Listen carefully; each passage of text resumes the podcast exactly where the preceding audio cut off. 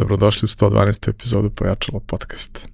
Od ove epizode imat ćemo malo drugačiji uvod i ja ću nakon svakog snimljenog razgovora snimiti jedan kratak uh, pregled o čemu smo zapravo pričali i on će biti uvod za svaku od narednih epizoda. U ovoj epizodi gosti su nam Danilo i Katarina Sharon, uh, poznati wedding fotografi i uh, dvoje fantastičnih mladih ljudi koji su odlučili da jednu prilično poznatu oblast rade na veoma drugačiji i potpuno svoj način. Oni su ispričali celu svoju životnu priču od uh, rane mladosti i upoznavanja do toga kako su krenuli da grade brand koji imaju danas, kao i sve ono što su prolazili uh, na profesionalnom i ličnom planu uh, u tom procesu koji traje već deseta godina. Verujem da će vam epizoda biti veoma interesantna. Realizaciju ove epizode podržali su kompanija Epson, koja je vodeći proizvođač projektora i štampača za sve namene, od kućne i kancelarijske upotrebe do profesionalnih uređaja koji se koriste od maloprodaje do industrijske proizvodnje. Već 20 godina u nizu proizvode najbolje projektore na svetu, a prvi štampač napravili su pre više od 50 godina. I dan danas svaki godin ulože preko pola milijarde dolara u istraživanje i razvoj novih proizvoda sa fokusom na održivo poslovanje i očuvanje životne sredine. Upravo zahvaljujući tome, njihovi inkjet uređaji najnovije generacije prave 94% manje zagađenja od konkurencije uz maksimalan kvalitet otiska. I vaš mobilni telefon koji sada nosite i na kome nas možda slušate i gledate, najverovatnije je napravio robot koji je stigao iz Epsonove fabrike. Roboti su super. Japanski roboti pogotovo. Takođe, od ove epizode imamo još jednog sponzora. U pitanju je Masterbox. Masterbox je vodeća regionalna platforma za učenje u oblasti digitalnog marketinga. Bez obzira na to da li želite da gradite karijeru kao marketar ili prosto želite da svoj posao dodatno razvijete uz pomoć različitih oblasti digitalnog marketinga, Masterbox je idealno mesto za vas. Imaćete priliku da učite direktno od Istoka, Bildija, Roberta, Kojota, Ćose, Brzice i drugih kolega, kao i da budete deo zatvorene Facebook grupe za podršku u kojoj su predavači i drugi polaznici da se diskutuju i rešavaju realni problemi iz praksi. Ukoliko prilikom registracije na platformi upotrebite promo kod POJACALO, dobijete dodatnih dva meseca pristupa svim sadržajima besplatno. A sada, da pređemo na današnju epizodu. Moji današnji gosti su Danilo i Šera. Dobrodošli. Hvala, hvala. hvala. Bolje vas našli što se kaže. A, wedding fotografija, znači kad se ukuca ta ovaj, kombinacija Danilo i Sharon, uvek izađe vaš sajt na prvom mestu i tu je, kažemo, primarno uh, fokus na, na wedding fotografiji, nečemu što ste radili uh, na mnogo lokacija, za mnogo nacionalnosti, generalno proputovali ste svet kroz tako proživljavanje iskustava venčanja uh, raznih ljudi, biće tu milion priča vezano za to, ali kako biste vi uh, opisali to što danas radite, jer to nije samo to, mnogo je više. E, šta, šta je u suštini to što vas dvoje kao fotografi i kao, kažemo, studio radite? Znači ja. Uh, pa, kao što si rekao, fotografišemo i snimamo venčanja uh, na jedan malo drugačiji način i iskreno ne mi ne znamo da ga opišemo kakav je to način, ali nekako kako, nam, kako mi to osetimo, tako to i predstavljamo. Od srca. Od srca. I pored toga se bavimo i modnom i komercijalnom fotografijom uh, u poslednje vreme, zato što se desila korona uh, i odnedavno sam ja youtuber, a Danilo je tehnička podrška. da, taj deo zapravo ovaj, uh, tvojih aktivnosti na YouTube-u, gde ako se ne vram svakog četvrtka izbacuješ video, a, gde prosto prolaziš neke svoje lične teme, priče, ima tu malo i o ishrani, ima tu malo i o vašem poslu, o nekim vašim svakodnevnim rutinama, vašem životu koji je prilično neobičan, kao i način na koji radite to, e, na koji radite vaš posao, ovaj, e, je zaista pravo osveženje i kao ja koji nisam neko koga u principu zanimaju dobar deo tih tema nisu nešto što mi je u fokusu. Mi je vrlo interesantno da poslušam. Nije dugačko, neopterećujuće je, uh, mislim, sjajno izgleda, ti divno pričaš. Uh, otkud uopšte ideja za tim? Uh, pa Danilo i ja smo u novembru dobili koronavirus i ležali smo dve nedelje uh, i gledali Netflix. I tamo, u stvari deset dana smo gledali Netflix i onda smo shvatili da nam je dosta, stvarno ne možemo više da ležimo. I setili smo se da smo imali ideju dugo vremena da napravimo i otvorimo YouTube kanal i iskoristimo te alate koje imamo, da imamo pro, mini produkciju koju možemo da iskoristimo za nas. I shvatili da to treba da uradimo tada. Bukvalno smo samo, eto, bili, ja sam pravila prvi recept da nisam osetila i dalje nisam imala čulo, čulo mirisa i ukusa. ovaj, tako da, eto, korona nas je naterala na to. Zapravo, izvini sad, zapravo smo mi u stvari dugo, dugo pričali o tome da mi to želimo da radimo. Mi smo u stvari imali uh, vlog, to jest blog o kuvanju uh, još nekde 2013. godine. Znači u isto vreme kad smo počeli kao Danilo i Sharon, te godine smo i otvorili uh, kuvarski blog uh, Jedi, uči, voli za studente. I ovaj, s tim što nije bio veganski, naravno, ovaj, u to vreme, ali kao to su bile neke jednostavne jele koje možeš da napraviš kao student. Međutim, onda nas je odveo ovaj posao u drugom pravcu, ali nam je ostala ta neka ljubav prema tome i uvijek smo maštali o tome da bismo volili da imamo jednog dana da, da napravimo neku kao emisiju o, o kuvanju. I... Ali nije samo kuvanje. Ne. Ne. Počelo je to je ceo životni stil. Jeste. Počeli smo samo sa kuvanjem i mislili smo da će ostati na tome i onda se desilo da zbog posla nismo stigli da snimimo epizodu, a za jednu epizodu treba dva dana da se ona osmisli, da se snimi, izmontira, da se ubaci prevod, da se sve što treba odradi i imali smo jedan dan, pošto u stvari u četvrtak smo shvatili da nemamo epizodu i kao ajde da snimimo nešto, daj da pričamo. I snimili smo epizodu u kojoj sam ja pričala i ta epizoda je tada imala najviše pregleda i ljudi su baš lepo reagovali i Tu smo pitali ljude šta bi, šta bi želeli još da čuju i onda su ljudi ispod u komentarima pisali koje su to sve teme koje bi voleli da čuju od nas i samo smo ih poslušali, tako da je sad to sve. Još uvek smo, ovaj, pitamo se da li treba da bude sve ili da se fokusiramo samo na jednu temu, ali za sad je ovako, igramo se. U suštini istražujemo, da, stavljamo, radimo, mi smo u stvari sad počeli to da radimo po principu gledajte ljude šta smo skapirali.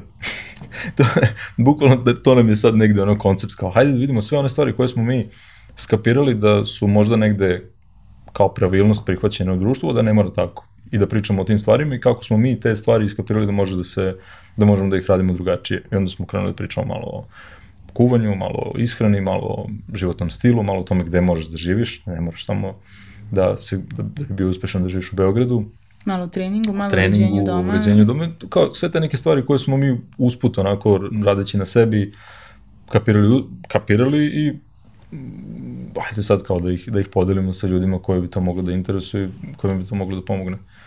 A koliko vam je, da kažemo, vredan taj feedback koji dobijate od ljudi? Ne koliko je vredan, vredan je svakako, nego prosto uh, taj uh, crowdsourcing ideja i, i, i sve to nešto što možeš da dobiješ kroz uh, iskren razgovor sa ljudima koji su investirani i zainteresovani za ono što radiš je stvarno fantastičan.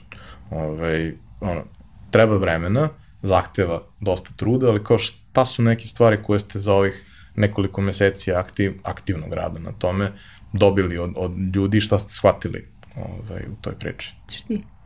Ti si jednak, on je jednak deo Katarina Sharon, ovaj, YouTube kanala i tako zove, svega, samo je, ovaj, ja sam ispred. Pa, uh, ali možda je ovo više za tebe u stvari, stvar da odgovoriš, jer uh, Katarina od kad je otvorila Instagram nalog svoj, to je još kad bilo, je na, onako konstantno u, u, u razgovoru sa svojim pratiocima, sa ljudima, ja to ne bih rekao pratioci, to stvarno više nekako ljudi koji su tu sagovornici. I kroz sve te razgovore je ishvatila šta je to što bi ljude moglo da interesuje, šta je to o čemu bi ljudi volili da čuju više, jer nekako staviš jednu fotografiju, pa ono, lajkovi nisu toliko merilo uspeha, ali su merilo toga šta ljude interesuje, šta se ljudima dopada i onako možeš da, da, da shvatiš šta, šta, o čemu možeš više da govoriš i šta će doneti više vrednosti ljudima kojima se obraćaš. Tako da je to samo sad nastavilo, malo se skejlovalo, ali u suštini Meni na primjer, kada dobijem promenjen... poruku, feedback, ono, da se nekom dopada taj video, da mu je značilo video gde sam ja podelila o tome kako smo mi osnovali biznis, da mi pošalje nekoliko devojaka poruku, mnogo poruka, ali nekoliko njih je poslalo da smo ih sad podsti, podstakli da i oni naprave neki korak i to mi je stvarno, jer kažem, dva dana nam oduzima nedeljno, uh, onako da je veter u leđa da nastavimo da, da dajemo svoje vreme u nešto što znači drugima, pre svega. Jer Izvini, Upravo to je, mislim, i, i motiv svega onoga i što ja radim i jedan od razloga, osim što ja volim da čujem sve ove priče. Mislim, ja skrenuo s tim podcast što ja volim da čujem ove priče, pa sam računao da vada ima još neko ko hoće da čuje, ispostavilo se da ima. A kao upravo to i jeste moment, mi znamo da će poslušati par hiljada ljudi i da će da jedno, dvoje, pet u narednih nekoliko godina odreaguje da ih triggeruje to na nešto. Tako. Kao hajde da im usadimo tu mogućnost da razmišljaju o tome. Tako je. A, sve goste pitam, kada dođemo do tog hronološkog dela razgovora, pitam šta su hteli da budu kad porastu. Šta si ti prvi hteli da budeš kad porasteš? Ja sam htio da budem smećar. Dobro, da zašto? Zato što mi je jako bilo simpatično, to je interesantno kako ono, ubaci smeće iz kontejnera, baci kontejner i onda se zakači na kamion i vozi se. Mislim, kao, ko se tako vozi? Kao to mi je bilo prefascinantno. Ja sam se ceo dan kačio na kapiju i maštao o tome da se ja smeđa, ono, zakačem se na kapiju i vozim se tamo vam. To mi je bilo ono, ludnica, tako da dugo mi je to držalo kao ideja. Onda sam shvatio da možda nije baš najisplativiji put, pa sam posle menjao različite neke ideje o tome šta bih volao. Da, mislim da te je držalo dugo i to da si te budeš arhitekta. Pa to je kasnije došlo, to je negde tek u... Pa, ali zanimljivo je da je školi. kao mali još u Paintu crtao kuće i sve ono, m, mislim, meni je to, kad, kad smo se upoznali, kad mi je pokazao to što je pravio sa 8-9 godina, nerealno bilo da tako ne, neko dete U crta. PowerPoint. U PowerPointu. PowerPointu. U PowerPointu. Tim gore. šta si ti htela da budeš kad A ja sam htjela da budem pevačica.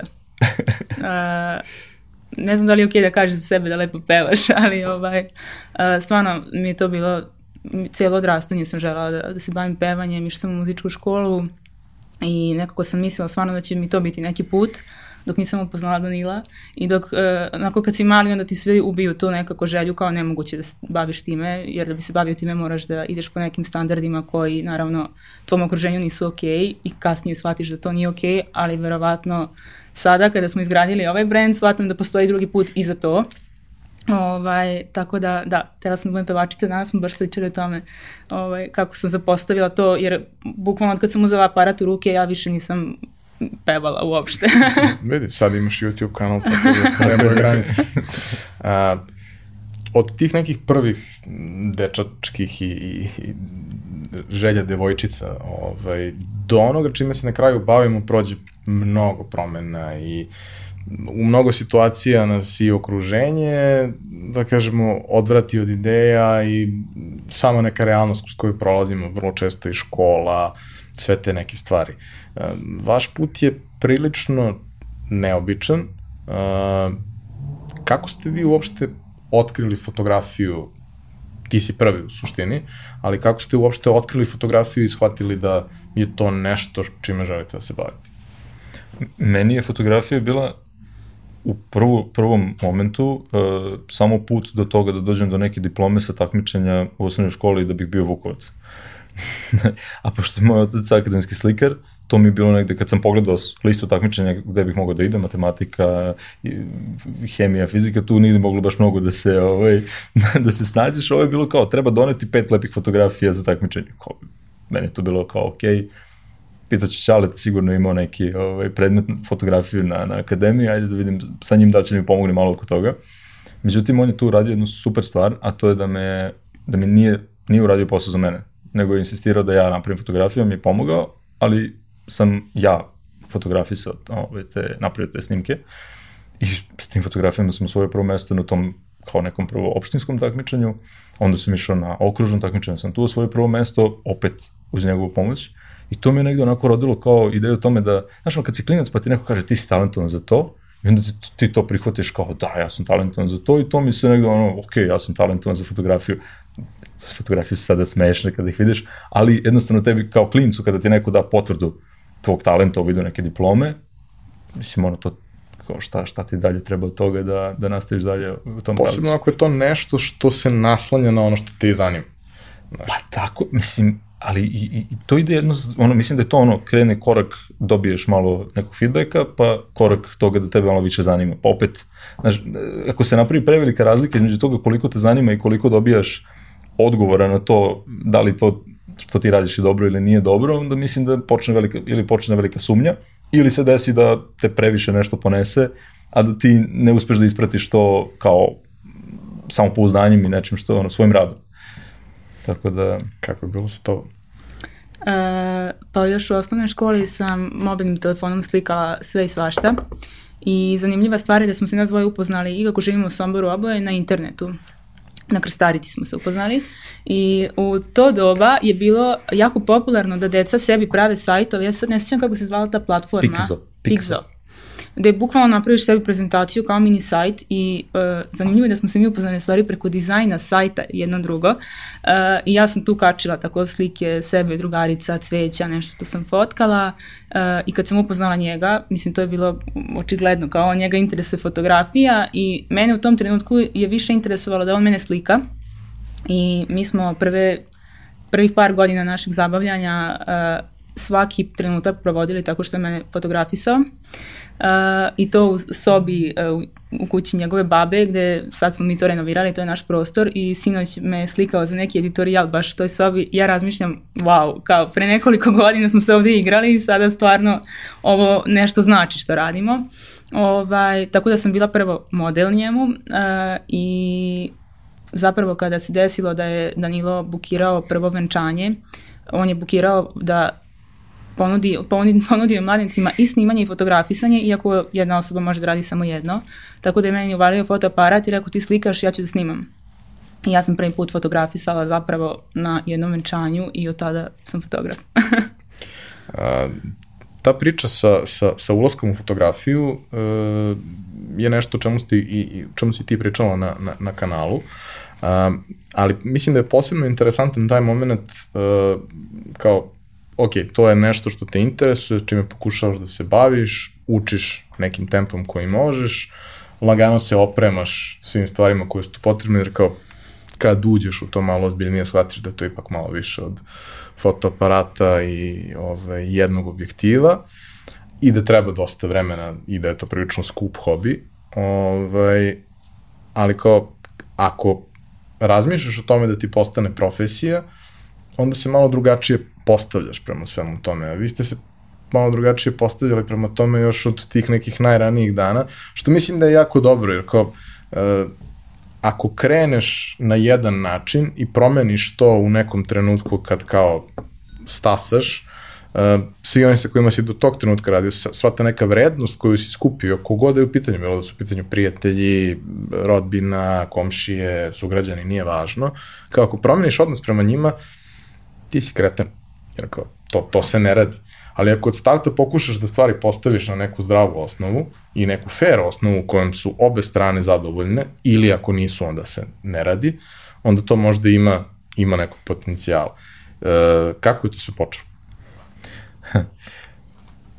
pa, ali, mislim, timeline tih događaja je toliko uh, ispresecan svim živim stvarima da ono mora bi da ispričat ću neku, je, probat ću da ispričam neku jednostavniju ovaj, verziju svega toga. Uh, dok sam fotografisao ovaj, Katarinu i objavljivali smo te fotografije na, na Facebooku, to je znači bilo negde prvi, drugi, srednje škole, mi smo bili praktično jedni, jedini fotografi u društvu, jedini koji se bave fotografijom, u stvari, mi smo bili fotografi, to jest ja. I e, naravno drugari su počeli da se interesuju za to, jer su hteli i oni da im, da im pravimo ovaj, fotografije. Međutim, meni od starta, to smo, oboje smo negde u tome svemu, ovaj, ja sam bio fotograf, ono, tehnički sam ja pravio te fotografije, ali nekako smo sve vreme zajedno kroz to mm, rastli i razmišljali kako, da, kako to treba sve da izgleda. I meni u startu bilo kao ideja, ok, ajde da ne mogu da, ne mogu da priuštim da ih fotografišem sve za džabe, zato što će onda da mi se zakači cela gimnazija od 400 džaka da ih slikam za džabe. I kao, ajde da probam da nađem nešto što će biti win-win, ajde da probam da nađem nešto što je kao ok, nešto što, njim, nešto što je njima ok da izdvoje novaca, 10 eura, 15 eura, a što će meni mnogo značiti da ako dođe njih desetoro, ja mogu da kupim neki reflektor, neku, nešto, ne, ne, zilbericu, nešto za, za, za, što se tiče opreme. I onda kad smo krenuli prvi put, drugi put, to je onako svima bio prvo ogroman šok, kao šta sad ti ćeš meni da naplatiš, ti si mi ono najbolji drug. Ja sam, meni je moj najbolji drug koji mi je kum sada, njemu sam, on mi je bio prvo mušterija. on je prvi platio, ali to, to je negde momentalno definisalo naš stav i stav drugih ljudi prema nama, u smislu šta da očekuju od nas.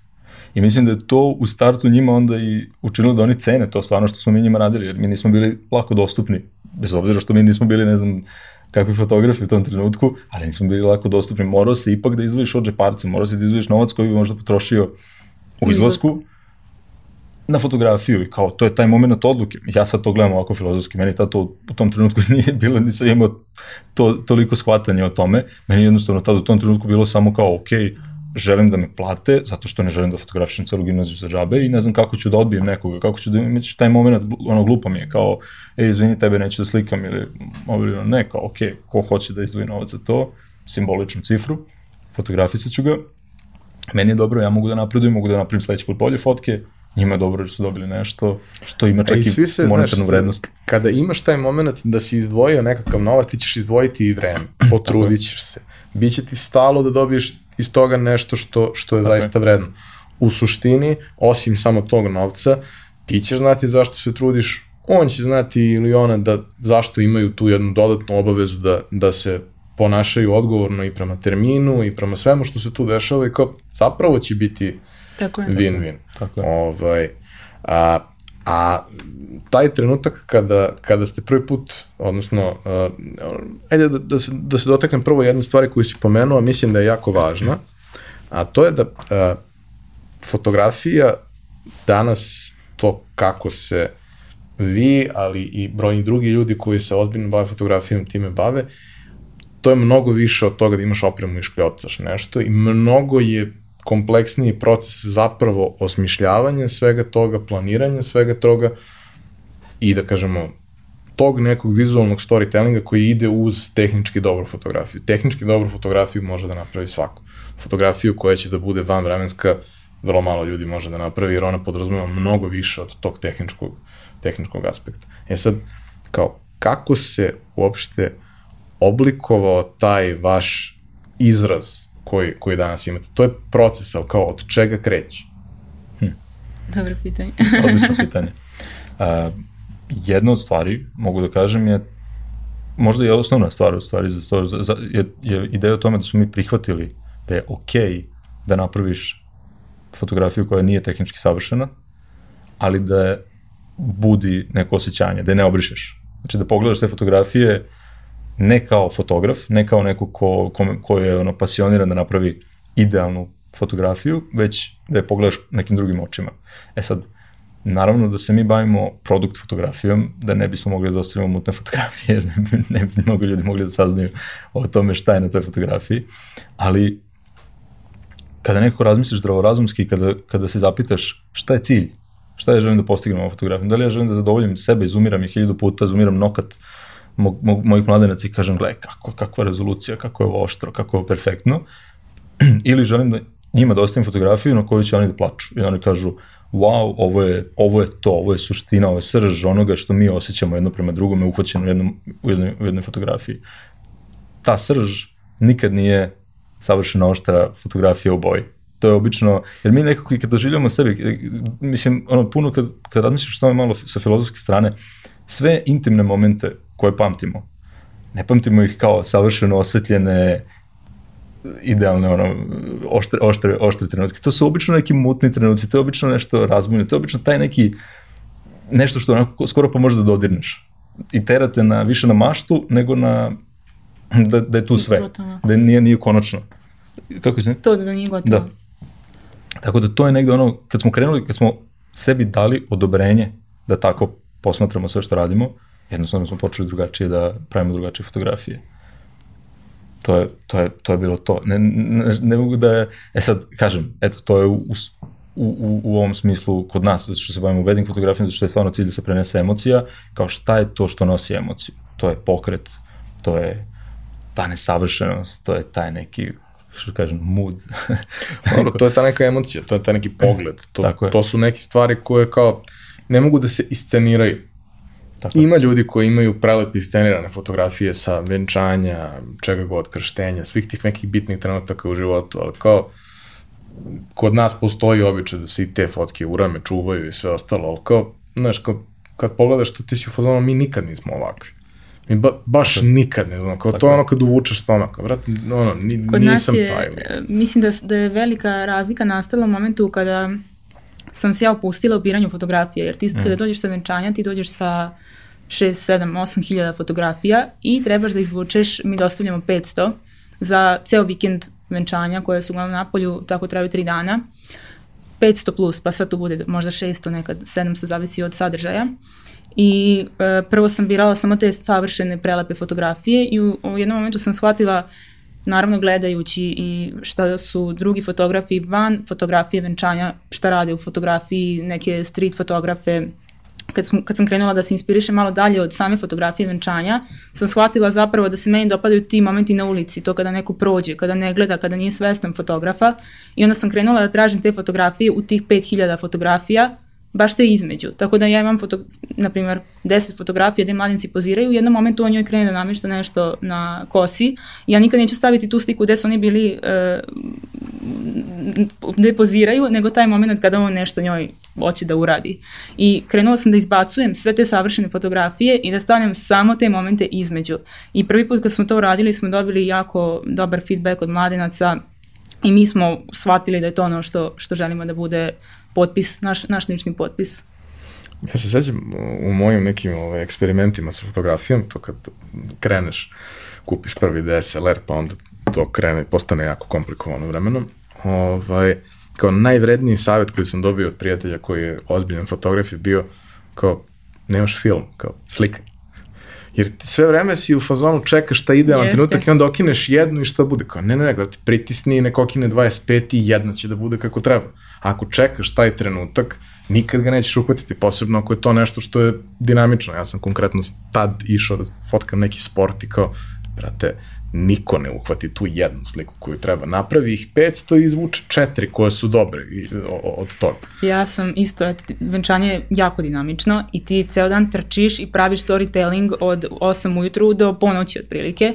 I sad kad smo ušli u studio, ja i dalje imam tu potrebu da samo slikam, slikam, slikam, slikam i ono, svi oko nas, cela ekipa, foto, ovaj, šminker, frizer su ono šta radi ova žena. Ja ne prestajem da slikam i uvek tražim sada i u modnoj fotografiji kada radimo taj moment neki neki između, tako da to smo... To između, je to, da. da, da, to je to. Mislim, svakako uvek imaš i te ostale fotografije, pa možeš da ih probereš, ali vrlo redko je ono, magija u tim trenucima kada je sve inscenirano i fake Jest. na kraju dana. Jest. A, Kako je došlo do toga da uh, fotkate vaše odeljenje, odnosno da fotkate maturske fotke za školu? Pošto je to isto događaj koji mislim da je Jeste. onako prvično wow. Pa to je prekretnica, ja bih rekao, u našoj karijeri bukvalno, zato što je to prvi profesionalni projekat, onako, to je bilo, ajde ovo slikanje drugara za džeparac, to je jedna stvar, ali ovo je bilo, onako, ti si sad tu prihvatio stvarno jednu ozbiljnu odgovornost gde tebi stotinu ljudi, maturanata, dalo novac da ti njima napraviš portret njihov za kraj škole. To je novo bilo stvarno onako prihvatili To inače, kao... kod vas u gradu je običaj. Pa, mislim, u Beogradu je... generalno nije. Nije, da, da ovde... Ima slučajeva, ali redko. Ja mislim da to sigurno dva, ma ne, na gimnaziji postoje ti portreti sigurno stari 70... Iz 60. godina, iz 60. godina da, sigurno. Da, da, otkačeni su u školi. Da.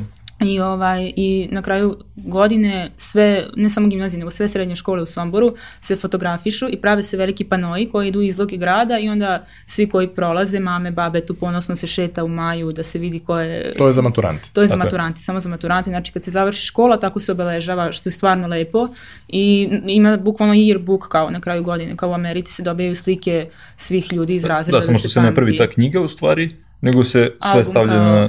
Kako? I album da, dobije se album, da, ali nema ono, nije ono kao štampano pa knjiga pa sad piše svako nešto, nego samo su ono fotografije svih uspomena. Eto, na Mislim da ima, da ima par škola u Beogradu koje su to uh, radile, ne znam koliko su redovne bilo u tome, ali je bila ta varijanta da kao neke škole su se snalazile između ostalog tako što stave billboard u, na obod mm, dvorište mm. i onda tad, ono, taj mesec je na tom billboardu njihova to, generacija da. maturanata. A, šta je bio problem sa fotkama koje su bile do tog trenutka? Pa problem je bio što su svi nosili isti šešir na slici. pa ne, zato što su imali u tom, bili su, to je bilo nekoliko studija i daleko od toga, ja sad stvarno, mislim, šalim se, naravno, to su, ali uglavnom to su bile neki, onako, pristupalo se stalno tome na neki tradicionalan način. I pošto smo mi bili sami učenici i bližila nam se matura, matura nismo želeli da, da, budu, da naše fotografije budu takve, maturske, naše maturske fotografije, onda smo razmišljali kao kako bi mogli te maturske fotografije da se urade bolje, drugačije, nije uslovno bolje, drugačije. I krenuli smo da razmišljamo, da eksperimentišemo, da mi sami pravimo kao neke test fotografije kako bi to moglo da izgleda. I ništa to, nismo mi napravili neku neverovatnu promenu u tome, ali jednostavno smo pristupili tome modernije. Napravili smo, ono, modernije su izgledale te fotografije, svetlo je bilo modernije, pozadina je bila Poze. jednobojna, poze su bile drugačije, nije bilo ono, pogled, pogled preko ramena i ostalo, nego su malo bile onako više, ja kažem, ins, više inspirisane nekim modnim fotografijama. I to se naravno mladima dopalo, jer su se informisali na drugim mestima.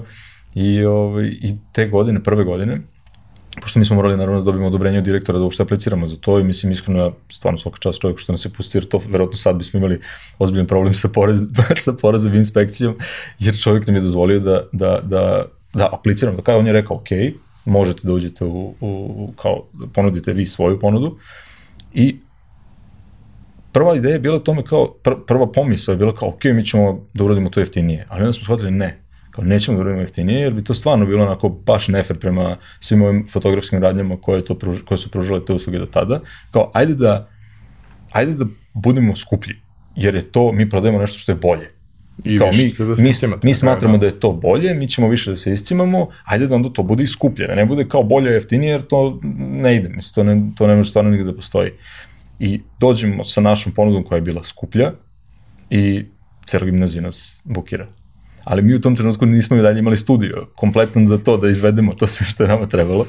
Mi to generalno Imali mi tako jedan, pristupamo. Imali smo jedan uh, providan kišobran i u njega je udaralo svetlo, da. to je do, do tada bilo ovaj... da, da. Beli, obično, kišo, baš bukvalno kišobran za, za kišu koju, koju smo zalepili selotipom nešto, neko svetlo, to je bilo čudo.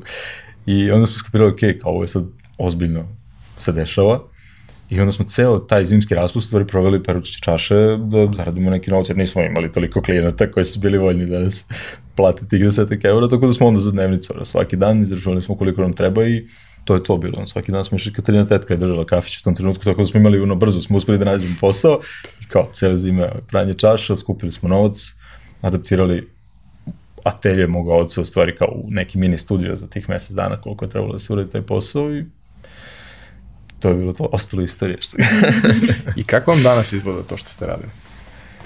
Pa lepo.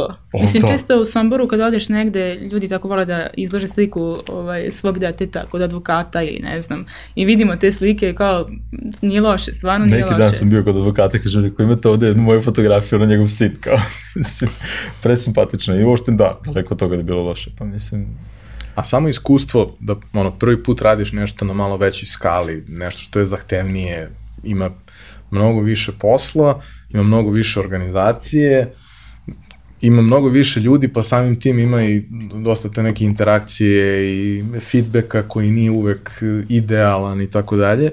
Ove, prosto kako, kako je bilo proći kroz to iskustvo? Znaš kako, kad si klinac, ono, kad imaš 16 godina, baš te briga. Znaš, nekako ono, uopšte se nismo mi previše stresirali oko toga. Nekako, znaš, ono, imali smo neku svest o tome da kao, šta ima veze, ono, i da sad sve zezdamo, pa vratit ćemo pare i šta A sad imali smo jedan cilj. Danilo je imao cilj da dokaže njegove mami, koja je profesor u gimnaziji, uh, da može da se bavi fotografijom. To je da može da se živi od fotografije. I da može da se živi od fotografije i taj moment kada je on pokazao kao novac koji on sa 16 godina zaradio, mislim da je bio presudan trenutak da ona otpusti i da ga pusti.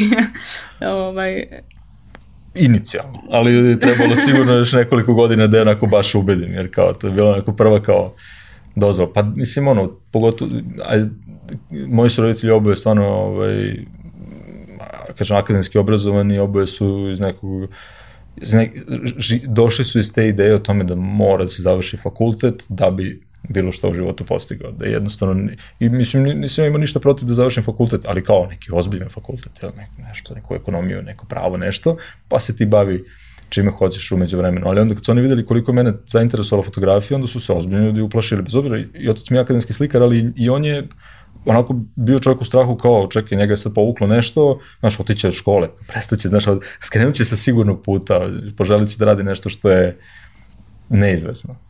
Ali... A onda skapiraš da ne postoji siguran put. Mislim, ako smo nešto naučili za prethodnih 30 godina, to je da ne postoji siguran put. To ja, njima, ja sam njima sve vreme to ukazivao na to. Bilo bi dobro Ovaj, dovesti tvoju mamu u podcast koja bi verovatno sada ispričala kao uve, uverilo me dete da, je Da. moguće, znaš. ali pričamo mi često o tom i za ručkom, ona kaže, i, i ona ka, ali i u pravu je, i stvarno, ono, jer ona je na kraju izvukla za zbog čega je bilo u pravu, jeste bilo u pravu, jer da me nisu toliko pritiskali sa idejom o tome šta kontra treba da uradim, ja se verovatno ne bih dao toliko srčano u ovo što ja želim onda da dokažem da može da se uradi. Jer da su mi rekli, ma okej, sine, evo ti, ja ću da ti kupim svu opremu i ceo studio, vrlo je verovatno da bih mnogo, sa mnogo manje ozbiljnosti pristupio svemu tome, da se ne bi toliko borio, da se ne bi toliko, mislim, oboje. Ono, tako da... Ja, obično, da je, to- obično je tako da kada nešto dobiješ, ne boriš se za to i samim tim mnogo manje energije, truda uložeš, mnogo manje učiš, naročito ako imaš taj moment, o, sad to svi zovemo zbog YouTube i svega ostalog, ta instant gratifikacija, kao, znaš, ako imaš to, nećeš se pozabaviti četvrtim stepenikom, Jeste. ako si već na prvom dobio diplomu da si Tako najbolji na svetu. Tako znaš. Vr- vrlo je redko. Nekad te povuče, ali, ali je vrlo redko. A, srednja škola u principu je period kada većina nas ne zna šta će sa sobom i ne zna šta će dalje.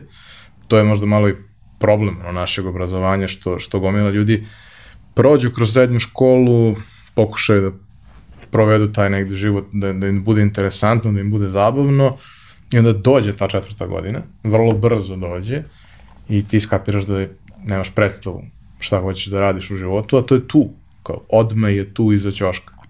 Ako ne upišeš fakultet, bukvalno je odmah tu, a ako upišeš fakultet i dalje je tu za par godina i čekate dosta Tako je. nekog rada i neka vrlo važna odluka koju treba da doneseš. Šta, što je bilo vaše razmišljanje ove, i, i kako ste onda, da odmah najavim, kako ste onda odustali od, od toga? Možeš ti. Ajde, pa, samo ja pričam. Pričaj, ajde, pa dobro, ajde, kako god. se ja. ja pričam na YouTube-u, ti možeš na podcastu. Da, da, da. Um, zbog, to, opet, zbog tolikog otpora, pogotovo od strane mojih roditelja, e, mi smo bili sve vreme u potrezi za samostalnošću, što pre. I to nam je bila onako prva stvar koja nas je gurala. Smo što pre da imamo izvor prihoda koji će nam obezbediti da mi možemo da kažemo mi odlučujemo. Znači, ne daj mi sve što ja želim, nego ja sam sebi obezbedio sve što želim, a sad ja odlučujem o tome šta ću da radim. I vrlo brzo smo uspeli da se izborimo za to jer smo radili jednostavno aktivno na tome, nismo sedeli žalili se da, nam, da ne možemo zato što nam roditelji ne daju, nego smo ono, svađao se svaki dan sa roditeljima i išao da radim nešto da, da, da zaradim novac, da obezbedim sebi konačno tu, tu samostalnost. Uh, I onda kad smo završili uh, srednju školu, ja sam u stvari prvi završio srednju školu, Ti si godinu dana stari. tako je, otišao sam u, u ne, ona je pala šalim se. E, onda smo, ovaj, ja sam otišao u Beograd i upisao sam ekonomski fakultet u Beogradu i umeđu vremenu uh, mi je Katarina našla posao u jednoj modnoj agenciji da fotografišemo na testove modelima, kao mm. par, par fotografija što trebaju novim modelima za, za početak. I ja naravno sam otišao jednom ili dva puta na predavanja, sve ostalo vreme sam proveo fotografišući u toj modnoj agenciji, opet zarađujući tu. I na kraju sam shvatio, mislim, ono, kao nema smisla, Katarina se tamo ovaj, približavao kraj uh, Ali u isto vreme sam i ja radila u toj modnoj agenciji, to je zanimljivo, mislim, mi, zanimljivo je kako smo mi na sve imali onako bili smo otvoreni prema svemu u tom trenutku, gde dolazimo na razgovor za rad u toj modnoj agenciji i vlasnik agencije govori Danilo ti ćeš da fotografišeš, šta ti radiš? Ja kao pa ništa, mislim ja sam ga dovela ovde. Znaš da si da šminkaš? Ja kao pa mislim ne znam. Ti ćeš biti šminker. Znači vas dvojica radite sa, vas dvoje radite testove, ti šminkaš, ti fotografišeš. I meni je tu do, se bliži 18. rođendan, ja sav novac koji sam imala dobila za 18. rođendan, uložim u šminku, YouTube koji tada nije mogu da primjerišava me što je sada na YouTube-u vezano za šminkanje, gledam, šminkam sebe ceo dan i odlazim na to, ja postajem šminkerka i ja sam super je stvar što sam ja opet u srednjoj školi već zarađivala odličan novac tada za, za, za te godine šminkajući i kupila sebi iPhone, pa to nekako te vodi kao, aha, sad ti možeš da ovaj... I nama je to bilo super u tom periodu, ali smo vrlo brzo shvatili da to nije konačno i da nije nešto što će da traje. Ovaj, I onda smo preselili u Novi Sad, kada sam ja upisala, Danilo upisao ekonomiju u Beogradu, ja sam sledeće godine upisala ekonomiju u Novom Sadu, a Danilo upiše građevinu u Novom Sadu. U stvari, izvini, u stvari što, što ću da pre... U stvari sam ja upisao fotografiju u Novom Sadu tada kada je ona upisala ekonomiju u, u prvom roku uh, i u, negde u, u, u, u avgustu, septembru ja mene uhvati neka teška kriza kao ma šta radiš ti, ma ne, ti treba možda stvarno isto da upišeš ozbiljni fakultet i u drugom roku se tipa za 10 dana pripremim i upišem građevinu. I kao, ja smo krenuli ja na građevinu, uh, Katarina na, na ekonomiju, izvini sad, ja sam Ne, pola ništa. nastavio. I mislim da je trebalo ma, manje od prvog semestra da shvatimo da ja tamo odlazim u amfiteatar, ovaj priča, sve oko mene ekonomisti završili ekonomsku školu, ja nemam pojma šta pričaju, bukvalno, niti me interesuje. I onda sam shvatila da me jednom Danilo dovezao ispred fakulteta, ja sam rekla vozi, ne, ne želim da uđem unutra. Znači, mi moramo sad da, da odlučimo nešto i da krenemo da se bavimo u životu onim stvarno što želimo i da budemo ispunjeni u tome, jer mislim ne ispunjava me fakultet, kako ćemo ispunjavati taj posao. Marketing sam bila upisala na ekonomiji.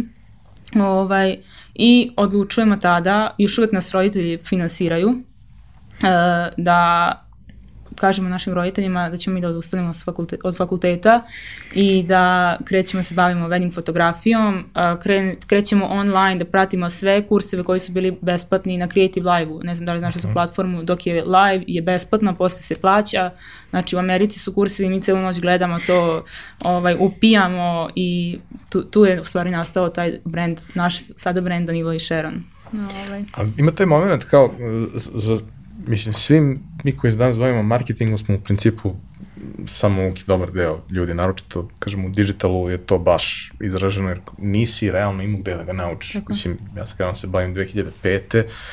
Agencije su time 2005. Agencije su krenule da se bave time 2011. Mislim, znači, prosto takva je stvar. Ali to kad, kad kao razmišljaš šta te zanima, gledaš šta drugi ljudi rade, čime se ti baviš, mhm, bavim se marketingom, ok, ajde studiram marketing i onda skapiraš da kao, brate, kada upišeš marketing, marketinga nema do, do treće godine da. i tad se pojavi na dva predmeta koja su koje su kao zastarala 70 godina, ali ne Da. ono cool što je bilo pre 70 godina, jer bilo je mnogo cool stvari. Ne, neko, to ni ne pomeneš ni u jednom trenutku, nego se baviš nečim što je toliko suvoparno i neprimenjivo, da kao za mnogo ljudi mislim, iako ima jako dobrih stvari koji se tiču teorijske osnove ovaj, i, i pripreme i ima mnogo toga što treba naučiti, kao brate ima toliko stvari koji te toliko odbiju od svega i e, nisi na kraju išao na, na fotografiju, ja znam dosta ljudi koji su išli na fotografiju, koji su završili fotografiju na primenjenoj i imaju nešto, znači imaju nešto zaista wow što su dobili od svega to. Ali recimo u velikom procentu slučajeva nisu, nisu dobili ni jedno savremeno znanje koje 2021. ima smisla. Oni ne mogu da se bave fotografijom. Oni imaju nekad, mogu predaju fotografiju nekom, ali oni zapravo u sistemu u kom ima mnogo različitih mesta za ljude koji se bave time. Nema mesta za njih. Oni nemaju svoje mesto, mm. oni nisu gotov proizvod. Jer je jednostavno obrazovanje takvo. Ja sam imao ozbiljan problem sa idejom, ja nisam upisao akademiju, fotografiju na akademiji, upisao sam uh, fotografiju na visokotehničkoj školi, tako se zvalo, s razlogom, nisam želeo da upišem fotografiju na akademiji, upravo zato što sam se, nekako sam sve imao osjećaj da kogu god sam upoznao sa akademije je učen da je manji od drugih. I nisam nikako želeo, nisam hteo da, da, mi, da mi neko usadi to u glavu, jer mi će mi to srušiti svo samopouzdanje, koje je možda bazirano na glupostima, ali, je, ali postoji. I sigurno će mi više pomoći to besmisleno samopouzdanje, nego da ga nemam uopšte, a da, da sam odličan fotograf. I to, to je bila ono jedna stvar koju smo, kažem i tu, ono, smo batalili skroz, jer smo shvatili da toliko postoji besplatnog, dostupnog štiva kojeg, koje možda se posvetiš da sam sebi kreiraš fakultet koji ćeš da završiš. Znači nije to da ti ne, ne završiš fakultet pa ne znaš ništa, nego jednostavno biraš sam knjige koje ćeš da čitaš, slušaš, biraš sam sadržaj koje ćeš da, koje ćeš da pratiš i negde onda shvataš tu u svemu tome kapiraš gde si bušan i to popunjavaš, ali samo ti dođe, sam shvatiš da si bušan. Ne mora niko da dođe i kaže ti, gledaj, sve nauči ovo, pa ćeš vidjeti posle zašto to treba. Jako mi je težak taj koncept bio mm, oboma, da, da, da, da shvatimo kao zašto da naučim sve nešto što ne znam za šta, je, za, šta, za šta će mi trebati, pa posle da skapiram za šta mi je trebalo, a pola sam zaboravio, pa onda nešto nisam baš dobar u tome. Ne znam, to mi je ono, užasno nezgodan neki Ne, ja sam- sistem za... Ja sam skapirao kad sam pričao sa tim, s tim ljudima dosta, da ima taj moment gde ti njemu kažeš, ok, meni treba ovo. I onda on tebi objašnjava da tebi u stvari ne treba to, nego je on, on je učio, da- ne kao, brate, meni treba ovo, mene uopšte Da, ne zanima da, šta si da. ti učio, mene zanima da se ovo desi, meni treba da ti ovo napraviš. A ne, ne, ali to nije po, brate, ne, Da, po ono, pravilima nekim. ne zanima me. Nije ispit. Nije ispit, klijent je. Klijent kaže treba tako, dakle to treba tako. Jel umeš ti to da napraviš? Pa ne umem. Pa što ne umeš? Pa mi to nikad nismo radili. I onda skapiraš da ni u jednom trenutku za ikaz godine obrazovanja, jer koji to je teško i naporno, niko ih nije pitao šta njih zanima. Kako bi oni hteli nešto da urade. Nego su dobili određeni set pravila koji je dobra polazna osnova, sigurno, i nije loše da je čovek ima, ali kao, brate, ne završava se život na setu pravila koje postavi Ansel Adams. Da, Tako je. upravo tako. Iako, mislim, respekt i sve to, kao, kad počinješ, definitivno treba da znaš, ali može to i na, na mnogi drugi načine. Upravo to, kao može to drugačije, je ono što, što ste št, vi doneli. E sad, a, odlučili ste da se bavite wedding fotografijom. A, ako pričamo o fotografiji za svadbe prevedeno na srpski, to zvuči kao nešto užas, užasno traumatično. Meni je traumatično kao introvertu i kad odem na svadbu, a kamoli mogu da zamislim kako je ljudima koji to u našim ono, okolnostima rade. Uh, kako ste vi krenuli sa tom vašom pričom? Slučajno. Dok sam ja to fotografisao, to je modna agencija, Katarina Šminkala, eh, bili su neki, neki ljudi tu u blizini, pored Sombora, mesto Opatin, odakle su nas, zvali su nas kao da li bi mi fotografisali njima venčanje. No, to je bilo totalno kao, pa ajde, kao što, kao slobodno smo za vikend, što ne bismo, kao uzet ćemo nek, neki novac, kao cool, može je promo odemo i fotografišemo to venčanje. Na samom venčanju mi nismo videli nikakav smisao u tom samom fotografisanju celog tog procesa čina venčanja i sva, proslave, svadbe, da kažem. Ali smo se jako radovali tome da probamo da napravimo nešto potpuno drugačije kada su u pitanju fotografije mladenaca. I to smo njim, mi sa, čak sa njima dogovorili da vas fotografišemo zaseban dan, da odemo na neko lepo mesto, da vas tu fotografišemo i da mi probamo da unesemo to što smo naučili u tom radu u modernoj agenciji u fotografiju venčanja. Opet ono, da, da opet uzmemo matursku fotografiju i preinačimo u nešto, neko naše viđenje svega toga. Isto to smo probali da uradimo sa fotografijom venčanja tada. I napravili smo nešto, mislim, nam je to bilo u tom trenutku, mi smo mislili, to je to. Mi smo otkrili novu Coca-Cola, ono. Nema, znači ovo je kao, ovo niko na svetu ne kapira, ovo smo samo mi sad skapirali poveznice između modne i wedding fotografije, to je to. Međutim, vrlo brzo smo shvatili da to je već u Americi odavno počelo, da mi jednostavno nismo o tome još uvek bili obavešteni, da nismo shvatili.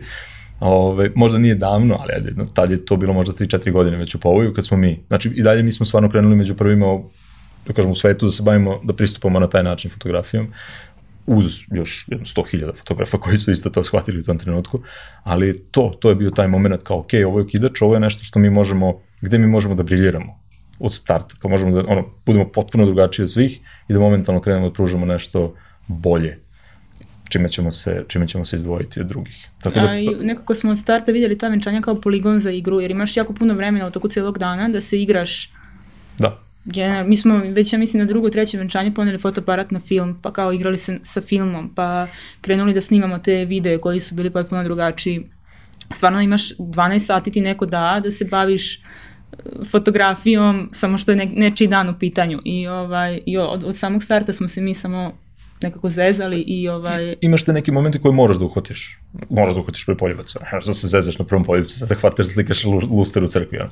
Moraš da uslikaš prvi poljubac, moraš da uslikaš stavljanje burmi, moraš da uslikaš, ne znam, kad kažu ta ili kad se potpisuju, to je okej, okay, to, to smo ono, shvatili, okej, okay, tu ćemo da fotografišemo, da to se vidi, da to bude sve kako treba, ali šta je sa svim ovim ostalim vremenom?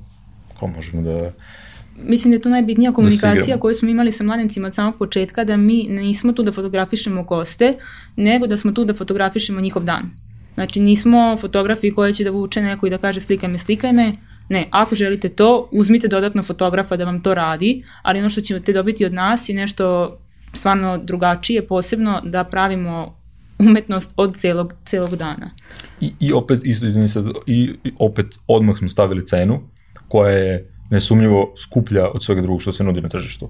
Što je opet davalo tim ljudima ideju o tome da to je ipak nešto što vredi i da opet cene da upravo to, kad kažem, ako, ja njim, ako im kažemo vi nas plaćate toliko i toliko i vi sad očekujete da vi za taj novac dobijete isto što biste dobili za mnogo manje novaca, vama to nije baš pametan potez. Onda uzmite neko ko će da vam radi to za malo novaca, uzmite za nas da, da vam radimo ovo, ili ako vama ne znači ovo što mi radimo, uzmite samo onoga i to je to. Kao taj, taj moment da smo mom, momentalno odred, mi, njima, mi, mi odredili i rekli, ok, mi ovo radimo. To je ono što, što može da kako je to bilo iskomunicirati? Jer kao to što postoji nešto kao trend u svetu, iako u tom trenutku naravno ni ne znate da postoji početak tog trenda. Ovde ne postoji, ovde to funkcioniše na užasan način već jako dugi niz godina i kao to je nešto što svi rade po jednom modelu i onda vi dođete tu i treba da komplikujete ljudima život i organizaciju. Kako uopšte objasniti nekome? Mislim, uh, prvi put, drugi put, treći put, peti put kad vas zovu, zovu vas zato što radite to, pa je to okej. Okay. Ali ti prvih nekoliko puta kao, znaš, veliki je problem kada neko ima očekivanja, svi se potrude, to bude plaćeno, a očekivanja ne budu ispunjeno. Kao, a mi generalno kao narod imamo ozbiljan problem u komunikaciji, mnogo podrazumevamo stvari koje ne bi trebalo. Kako ste vi to rešili sa, u, u razgovoru sa klijentima? Ajde, ti. Juče smo pričali o tome. Bukvalno smo seli sa klijentima i rekli mi vam obećavamo da će se to vama dopasti.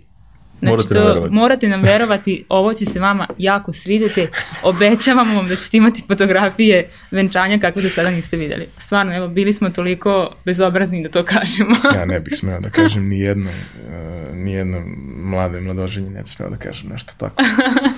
Ali Ta, mi smo taj tada... bes potencijalni ne zvuči zastrašujući. Mi smo tada imali 19 godina, tako da mislim da je to ovaj, uh, ima veze sa godinama. Opet je to, da. Znaš, kad kreneš jednostavno u tim godinama, stvarno ti, ono, nije, nikad meni, nije mi, apsolutno nije da nas bi bilo baš briga šta će ljudi da misle o tome, ali i te kako smo želeli da im, da im damo ono najbolje što može, ali kao uvijek smo imali to nešto, šta sad je najgore što može se desiti, da im se ne svide, pa i dalje opet će biti verovatno bolje nego ono što bi dobili inače. E, i ako ti uložiš svojih mislim, 300%, pa, da, ne može da to, bude toliko loše. Samo eto, može da bude drugačije od očekivanja. Tako A to drugačije od očekivanja ne mora nužno da znači gore. Vrlo često ono, kroz te varijante dođete do nečega što bude mnogo bolje rešenje za, za, za klijenta. Ali jednu stvar važnu uh, smo, smo radili od starta.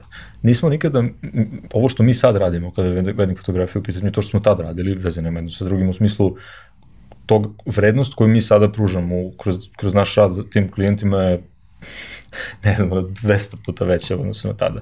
Ali smo uvijek imali šta je to što ćemo mi da isteknemo i da kažemo klijentima ovo je bitno. Mi vama sad ovo.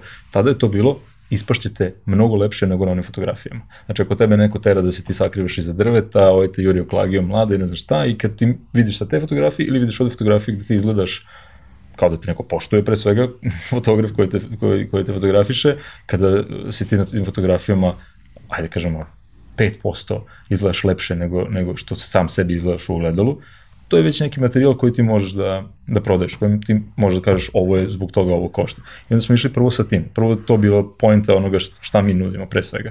E onda kako smo uspevali da kreiramo bolje fotografije na samom venčanju, kako smo mi sami istraživali i pronalazili to gde mi sve više možemo još da otvorimo vrednost, smo počeli da pokazujemo i dalje ovaj to. I iskreno, mi dan danas, ljudi se nama pre svega javljaju zbog lepih fotografija, zbog ljudi, što izgledaju ljudi im izgledaju jako lepo na našim fotografijama. A mi im kasnije u toku razgovora, kada im predočimo pakete i kada im predočimo druge prednosti koje, mi, koje je teško iskomunicirati na društvenim mrežama. Jako je teško da ti iskomuniciraš na društvenim mrežama zašto je neka fotografija koju samo ti i ta mlada razumete je bit, da je bitna, a razumete zato što ste se dobro upoznali i dobro, dobro shvatili šta je to što, što, što, što što njima daje vrednost i onda ti njoj to pokažeš kažeš gledaj šta sam napravio sad za tebe ovde.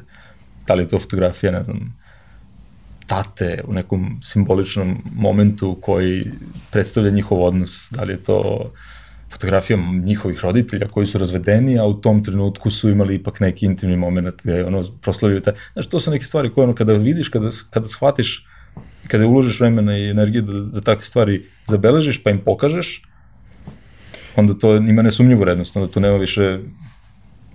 Nikad neću zaboraviti jednu scenu kada se ovaj, venčava jedan moj kolega I sad, ja sam u tom periodu volao pobegnem sa venčanja čim se završi formalni deo, odnesem kovertu, ispuštam sve što treba i onda zapalim, jer kao stvarno ne mogu ovaj, sve što ide uz to. Ali ostaneš na onom delu kad on, završava se procedura i onda se fotka i to sve i fotkanje nakon svih onih potpisivanja, svega toga kao uh, roditelji uh, mlade, roditelji mladoženje, njih dvoje i fotograf koji im kaže, a sad se pogledajte kao da se volite. Kao, Jao. kao, znaš, mislim, ok, pritom on je kreten koji kreće da se smeje, naravno, u tom trenutku, jer kao, overić, bukvalno, ali kao i ovaj čovjek koji verovatno, ono, više mu je muka svega, naročito posla kojim se bavi, i koji je kao, aj sad se pogledajte kao da se volite. Yes, to je to. A, kako je izgledao ovaj, taj uh, clash uh, vaše i ostalih realnosti na, na venčanjima ovde? Rekli ste da, i to obično praksa ovde po restoranima i, i, i salama za venčanje i slično, da kao imaš određeni set obaveza koje, odnosno, određene stvari su ti uključene, pa sad ti možeš da ih ne iskoristiš, ali već si ih platio, pa ćeš ih sigurno iskoristiti. To su oni ljudi što idu okolo i slikaju i onda nose ovaj, sve to. Uh, kako izgleda kad postoje uh, dva tima fotografa na venčanju sa različitim agendama?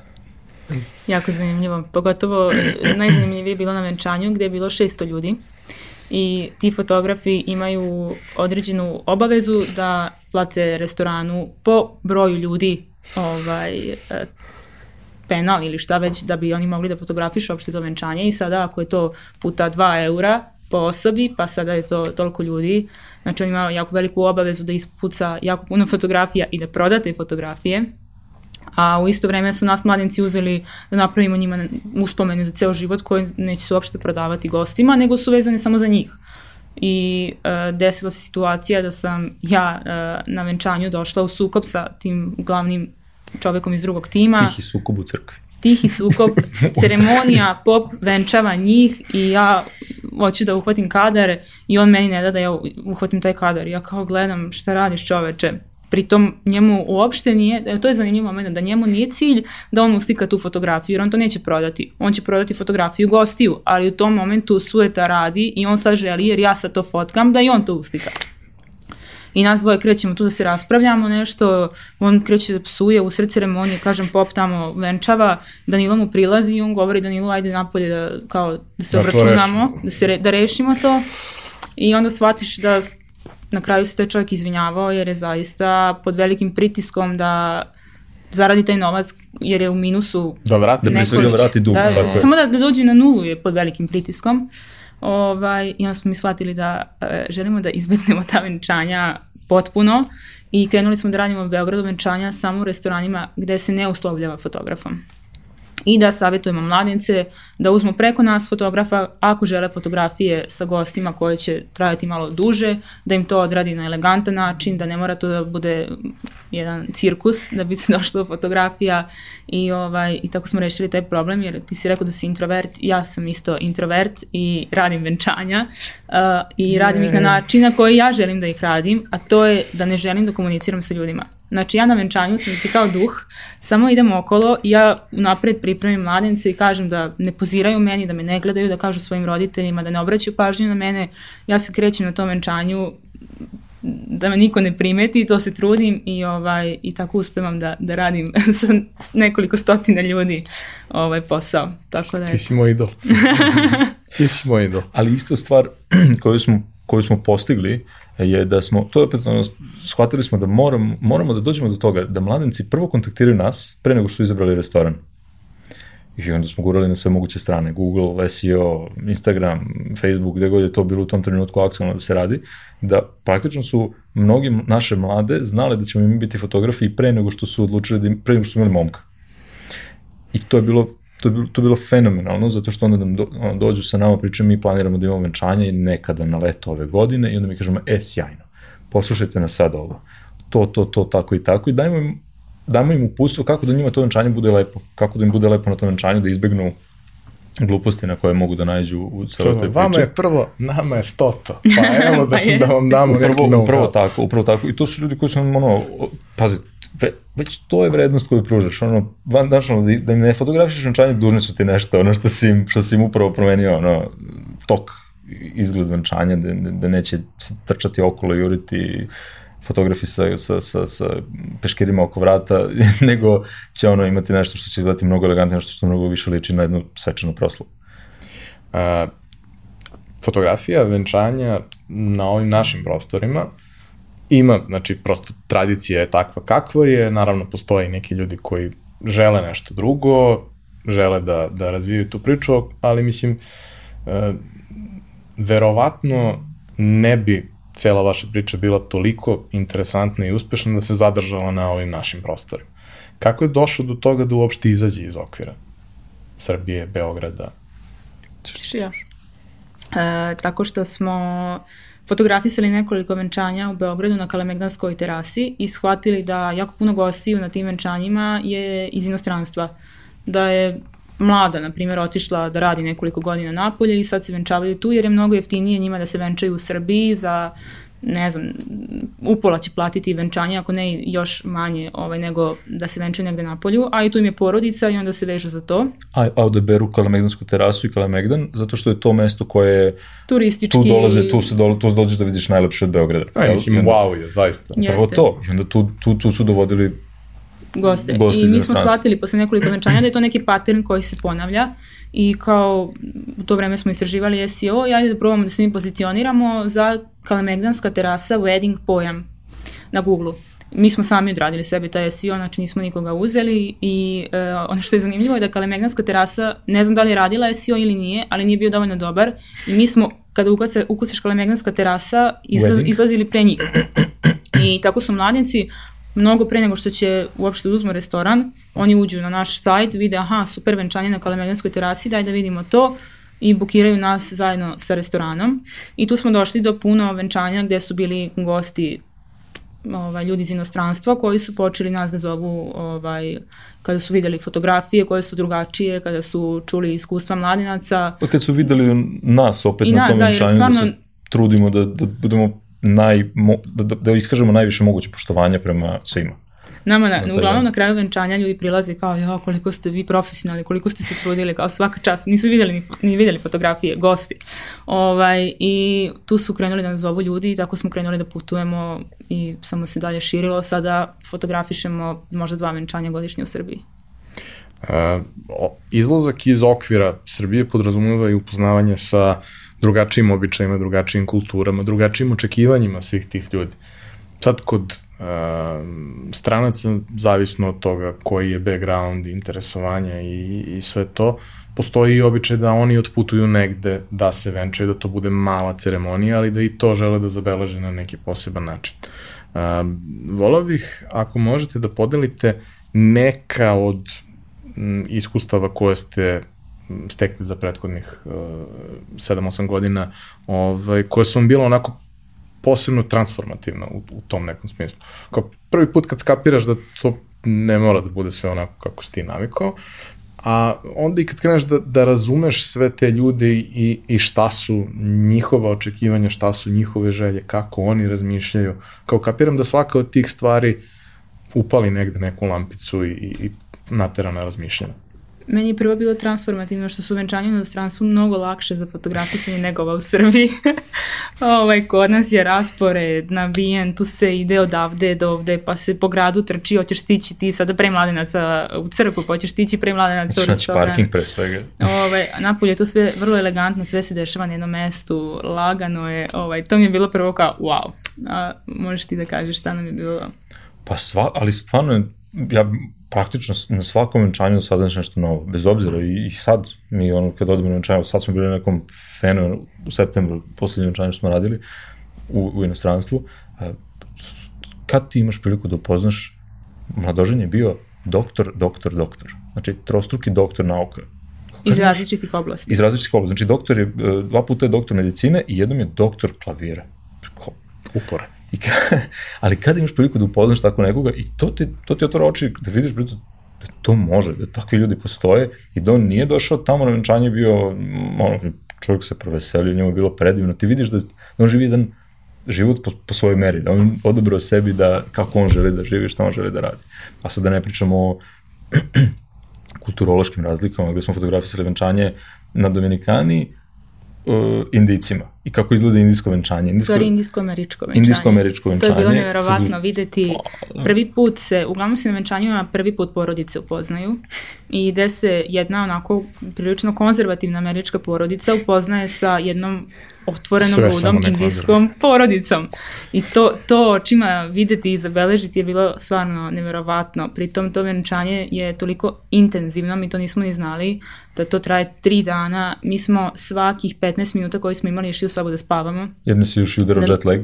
Da, da, da, da dolazimo sebi i uh, indici jako vole da se slikaju kao kod nas sa gostima, ono, slike jedni sa drugima, mm. uh, gdje sam ja drugi dan plakala jer više nisam mogla da izdržim to da samo idem i slikam ljude, iste, iste ljude koji žele još fotografije, još, još, još. Ali nije organizovano onako kao kod nas, vozit će onaj pa kao posle ceremonije svi, nego te ceo dan si spontano je. Bez prestanka. Spontano. spontano je, bez prestanka, ceo dan. Ali u isto vreme su nas ljudi ugostili, častili, mislim, stvarno smo se osjećali ono, kao deo, mi generalno se uglavnom osjećamo kao deo venčanja, kao da smo deo te porodice i ovaj, svi se potrude, ne znam, možemo da pričamo o tome, ja mislim ceo podcast, tu isto to indijsko venčanje gde smo upoznali ljude koji su od rođenja vegetarijanci, koji od rođenja praktikuju jogu, meditaciju, kojima je to normalno, a ovde sada se tek to, o tome priča, tek se uči o tome. Ovaj, to, to mi je bilo zanimljivo vezano za to venčanje. Onda smo imali jedno divno venčanje u Italiji gde smo, to je venčanje od 15 ljudi, gde smo mi zajedno sa njima proveli e, tri dana u jednoj vili, uh, a mladoženja je sommelier poslednje klasi, ne znam sad kako to da, ide. I baš je zbog, to, zbog te vile i te vinarije koje je tu odebrao da tu bude venčanje i tu smo degustirali vina sa njima tri dana, samo pili ovaj, eh, do venčanja u Hong Kongu koje nam je verovatno smo stekli prijatelji do kraja života ovaj, na tom venčanju, tako da Za neke od tih uh, venčanja ono, možemo da vidimo i fotografije i neka, neke testimonijale, u nekim slučajevima postoje i uh, neki kratki video snimci koji su neki behind the scenes toga svega, ali uh, kao šta je to što je različito, šta je to što je isto? Jer kao ceremonija je svuda verovatno različita, običaji su različiti i verovatno su svuda čudni u najmanju ruku, ali kao postoje i neke stvari koje su univerzalne, jer ipak vas pozivaju ljudi koji su videli nešto što je potpuno van njihovih okvira i poželeli da imaju to nešto za sebe. Uh, kako to vam izgleda? Ja, prvo, venčanje, ja moramo pre svega da, da kažem da bi, da bi ovo imalo smisla. E, stvar koju smo mi shvatili, pa, a nije nedavno, ali pre jedno dve godine, je to da ti na venčanju doživljavaš praktično, možeš da doživiš kompletnu, kompletan utisak u jednoj kulturi. Znači, sa svakog aspekta. To nije, znači, to nije sad samo dešava se venčanje. To je dešava se skup ljudi na jednom mestu, gde oni pokazuju pravo ja. I ti ljudi dolaze sa različitih krajeva sveta, često su na istom venčanju sa različitih krajeva sveta i ti tu shvataš, vidiš različitosti između ljudi, različitosti, ali to nije ono kao generalizovanje sad, Nemci su ovakvi, Italijani su ovakvi, ne znam, Kinezi su ovakvi, ne, nego ti vidiš da tu zapravo odgovor na svoje pitanje je nema tu pravila, drugačiji su ljudi, drugačiji su kinezi na venčanju u, u, u Nemačkoj i drugačiji su Nemci na venčanju u Kini i drugačiji su kinezi na venčanju u Kini. I te, ne, jako je teško ustanoviti jedno pravilo po kom sad ti možeš da staviš ljudi u jedan koš i kažeš, ej, ovi su ljudi ovakvi ili oni su ljudi onakvi. Znači, stvarno smo shvatili da postoje bezbroj variacija kakvi su ljudi i da kao ne, ne jer sa različitih aspekata kada ih gledaš. Oni svi tu slave ljubav. Oni su svi došli tu, okupili su se da slave ljubav i da učestvuju u nekom socijalnom događaju. Ali način na koji se raduju je za svakog drugačiji, nevezano za to odakle dolazi. To je, to je stvarno, stvarno tako. Mislim, ono, na indijskom venčanju ti si imao ljude koji su bili povučeni, imao si ljude koji skaču. Ti si na, u, u, Evo, mogu da kažem eventualno to, u Hong Kongu na venčanju su svi sedeli.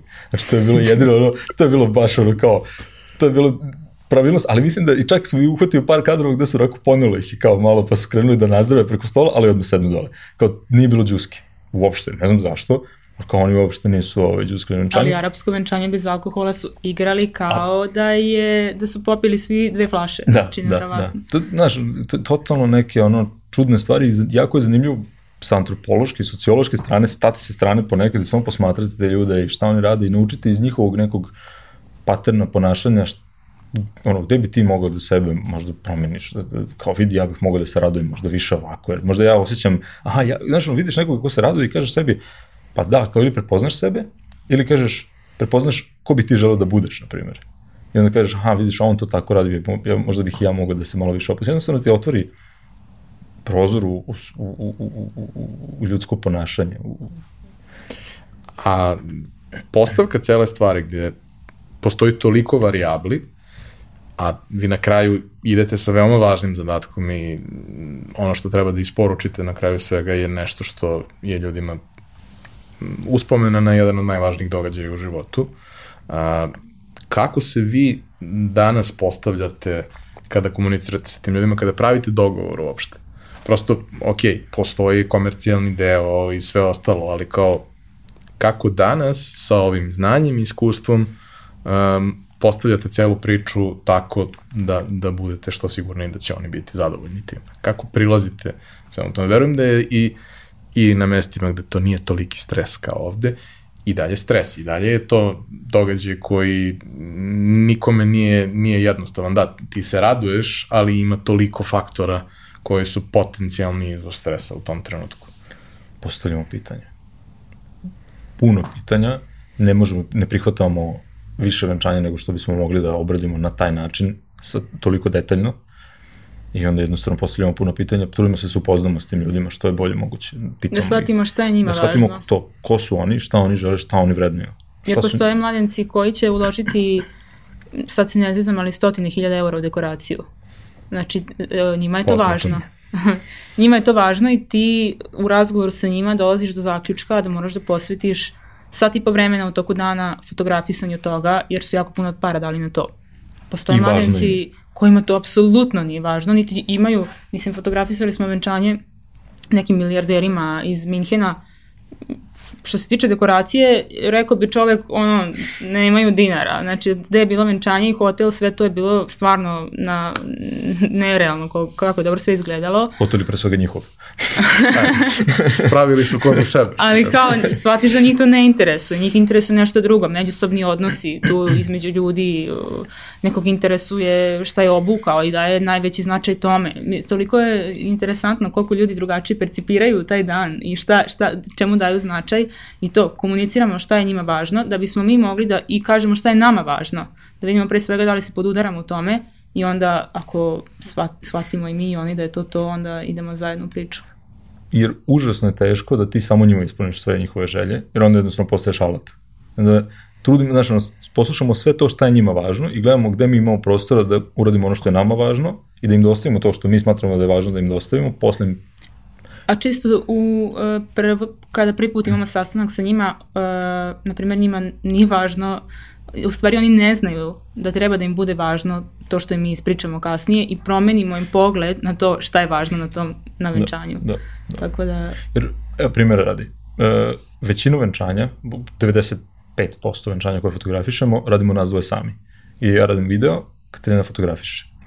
I na, mladenci nam dođu i pitaju nas, ok, mi pravimo venčanje od, ne znam, 200 ljudi, da li ćete vi moći da fotografišete venčanje od 200 ljudi tako sami? Zavisi šta vam je važno.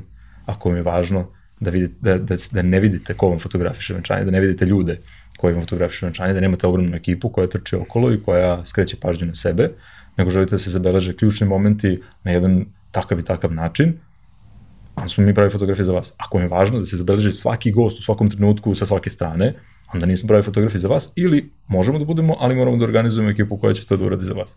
Tako da, znaš, to su, to su stvari, ono, jednostavno pri, pristupiti svakom tom poslu zdravorazumski i shvatiti da je svako venčanje, koliko god bilo protokolisti, potpuno drugačije, jer uključuje ogroman ljudski faktor u, u celu, celu priču. Sećam se nekog primjera uh, gde ste zapravo fotografisali venčanje nekog para koji je došao, mislim u Pariz, mm -hmm. da se venča, da ste to uradili tako kako je dogovoreno, ali ste imali još neko vreme, oni su se presvukli u normalnu garderobu i sve to i zapravo tada su nastale najbolje fotografije koje uopšte nisu bile ni planirane, ni očekivane, niti je to delovalo neš, kao nešto što oni žele da imaju i ispostavilo se da zapravo to prava stvar. Kako je to izgledalo? Šta je bila priča zapravo iz toga? A, evo, to je, to je to. Mi smo pristupili tome sa predrasudama. To je bio kineski par koji dolazi u Pariz da napravi fotografije i to je ono, jedni od kineza koji dolaze da se fotografišu negde u Evropi, našli su nas na Instagramu i žele da ih mi fotografišemo. Bogati kinezi. Da, recimo. I mi dolazimo u Pariz da ih fotografišemo i pristupamo sa znanjem većine kolega i iskustvima kolega od kojih smo čuli kako to treba da izgleda maltretirat ćete 5 sati da ih fotografiš na značajnim mestima u Parizu, tražit ćete da se slikaju nekim, ne znam kakvim pozama. Ne znam kakvim haljinama. Ne znam kakvim haljinama, promenit ćeš šest haljina i kao to je to, nećete se vjerojatno nikad zahvaliti. Ali najbolja stvar je mi dolazimo u Pariz i uh, na nekom mostu smo i jedno pet mladenaca, pet parova, ovaj u, u ocijaju bare fotografiše njih, kao vidiš sve ono što ne želiš da radiš, Samo kao, je kič, a, ovo je drži na ruci, ona je tamo negde iza. Znaš, ono, pa kao, I dolazi Ali mnogi njima... fotografi to rade samo zbog para jer oni te plaćaju i sad mi smo otišli jer smo prvi put dobili upit takav, tog tipa, da fotografišemo uh, u Parizu kineze za pre-wedding. I mi dolazimo, upoznamo se sa ljudima i sve vreme ih gledaš predrasudno, sve vreme ih gledaš, ti već znaš ko su oni. A ne, ne, ne dozvoljavaš sebi da čuješ ko su oni, to je stvarno bila prekretnica. I dva dana provedemo sa njima, dva dana ih fotografišemo, daleko od toga da smo mi napravili loše fotografije, napravili smo mi prelepe fotografije, prelep video, ali to je bio, to su bile fotografije i video mladenaca. To su oni neki mladenci. Znači oni su onaj mlada, on je mladoženja i to generalno ono, to je to, mi njih ne znamo iz druge priče. I kad je sve završilo, pošto neko sve vreme neka lepa energija bila u celoj toj priči, kad smo sve završili, oni nas pitaju da ostanemo kao da poručimo picu i da popijemo kao pivo, eto kao da se zahvale za sve i kao vidimo se, to je to. I mi ostanemo kod njih u stanu, oni kao samo će se presvuku u sobi. I oni odu da se presvuku, izlaze napolje, izlaze dva kineska gangstera, ona je u nekom super dry duksu sa nekim hologramom, pustila kosu preko glave, preko, preko lica, nešto izlazi i pruža ruku i pošto oni imaju, oni imaju ono englesko ime, imaju i kao mm. ovaj, kinesko ime i sve vreme se ona predstavlja kao Javins, to je kao englesko ime, izlazi napolje, pruža ruku i kaže hi, I'm Team U. I mi kao, Znaš, ono, eureka moment, ono, pali se, ne sijalice, nego reflektor iznad glave, kao, čoveče, ti nisi kapirao ko je ovo uopšte. On izlazi u nekom šorcu, istetovirane noge. Pazi, kinezima da su istetovirane, to je ozbiljno, moraš da budeš faca da si istetoviran kini, jer njima je to znak da si ti kao deo nekog genga. Nije čovjek deo genga nikakvog, ali jednostavno volite to važi, kao, znači, vidi se da je odvažan, vidi se da je neko ko ko vodi život kakav želi. Nije onaj čovjek od pre par Daleko od toga da je taj čovjek. I mi tom Pritom smo momentu... mi sve vreme videli da njemu neudobno u tom modelu kao ceo dan, ali ono, gura on to, guramo i mi. Da. Pa dobro, ali kao, mislim, neudobno većini mladoženja u, u modelu, ceo meni je bilo neudobno. I, ovaj, Nismo se dobro napili. Mi smo se tu dobro napili, mi smo tu ušli neki dobar razgovor sa njim, deljenih ideja, i mi negde bilo je dva ujutru njima, kažem, ljudi, mi, mi ne možemo da odemo da vam dostavimo samo ove fotografije. Mi moramo vas da fotografišemo. A u šest ujutru noćas... treba da krenemo za, na avion, na svoje. Mi smo, znači, znači tu negde u dva, pola tri izašli napolje na ulicu, tako kako su bili obučeni, da fotografišemo njih crno-belo na film, po Parizu, nekim blicem, nešto totalno neke urbane, totalno neka druga priča o fotografija. Fotografije onoga kako oni treba da izgledaju, kako, fotografije njih, to su fotografije njih i negde u fazu, ne znam koliko je bilo, da li je bilo već pola, pola pet, već ono poslednji moment da mora se kreće, mi se grlimo, rastajemo, ne nama kažu vidimo se u Hong Kongu. Pazi, nemoguće je, pa, na, na, na granici nemoguće da ti kinezi zovu da fotografiš kinesko venčanje u Kini ili u Hong Kongu, jer je to kao ovo indijsko, znači ti moraš da znaš, da razumeš šta se tu dešava i šta se, šta se radi, a niko te neće uputiti jer se dešava prebrzo. Znači, zaboravi na srpsko venčanje i običaj. Ovo je, ovo je devet puta, devet puta. I niko ne priča I ni sa kim ne možeš da se porazumeš. Tako da. je. I mi... I mi odlazimo, to je bilo u maju, mi u oktobru odlazimo u Hong Kong, oni nas dočekuju, uh, pet dana sa njima smo proveli, znači oni su organizovali venčanje, ja sam sigurna samo da bismo se mi družili. Pošto smo mi pet dana proveli po Hong Kongu uh, na ulici sa njima, uh, to su bili stvarno nerealne scene koje ćemo pamtiti do kraja života, šta, šta, šta se tu dešavalo, ovaj, zaista jedno od najboljih iskustava u životu i stekli smo prijatelje za ceo život. i ogromna škola, da jednostavno više nikad, nikad od tog dana stvarno, i ono iako, vi, i, i ako krenemo u tom pravcu, uhvatimo sebi i kažemo ne, nemoj, ne, nemoj da zaključuješ, nemoj da donosiš zaključak pre nego što si video o čemu se radi. Ono, Kao, ko je to. kad ideš sa predrasudom, u velikom procentu slučajeva ćeš biti u pravu, ali u onom procentu u kome nećeš da propustiš neke wow stvari. Jeste. I to je uvek ono Upravo što, to. što, što je problem. Pa da li pustiš se, vidi, dođeš tamo, ako ti imaš predrasudu i ako ti se potvrdi ta predrasuda, ok, ali moraš da pustiš taj moment da vidiš da li je to zaista tako. Moraš da daš šansu, 15 minuta daj šansu, probaj da vidiš da istražiš da li je to neka druga priča. Ako nije, pa ok. Samo jedan fun fact. Posle tog venčanja su njihovi prijatelji predložili nas nekim kinezima koji su se oduševili našim fotografijama i mi smo sledeće godine opet išli u Hong Kong da fotografišemo njih, ali oni ne pričaju engleski. To je zanimljivo. Eto, fotografisali smo ljude sa kojima nismo mogli da se sporazumemo, ali smo se toliko dobro na kraju sporazumeli, nekako, da je stvarno bilo super. Zvuči zastrašujuće. uh, ono što smo pomenuli samo na, u, u, u tragovima, malo smo opisali šta je to što radite, odnosno šta je to što ste radili pre nego što je došla korona, pričat ćemo i u ovom drugom delu. Uh, ali ono što smo samo dotakli na momente je zapravo uh, kako izgleda izgradnja brenda koji je, da kažem, koji stoji iza vas, koji te vas dvoje. Um, a mislim da ste to uradili na jedan zaista, zaista sjajan način, a, naročito kad uzemo u obzir da je to priča koja je kao organski rasla od nule, ali baš bukvalno nule početka gde nije bilo nikakvih resursa, do nečega što, što je danas jedna jako ozbiljna priča i omogućava vam da, da živite život koji, koji želite. A, kako ste došli do, do ideje za ime? Kako ste no, napravili prvu neku svoju online prezentaciju toga što radite, na koji način ste se prikazali i, marketirali.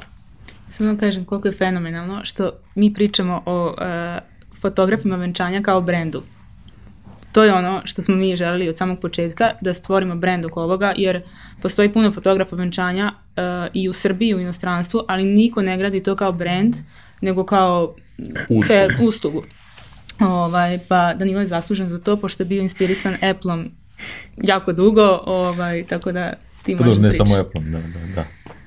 Ove, pa da, dobro, od starta. to kad smo, pošto kad ništa ne znaš o nečemu i kreneš da radiš to, kad, ni- a ništa ne znaš o tome, onda negde imaš i svoj lični, potpuno, pre, pre svega kreneš s nekim svojim ličnim pristupom.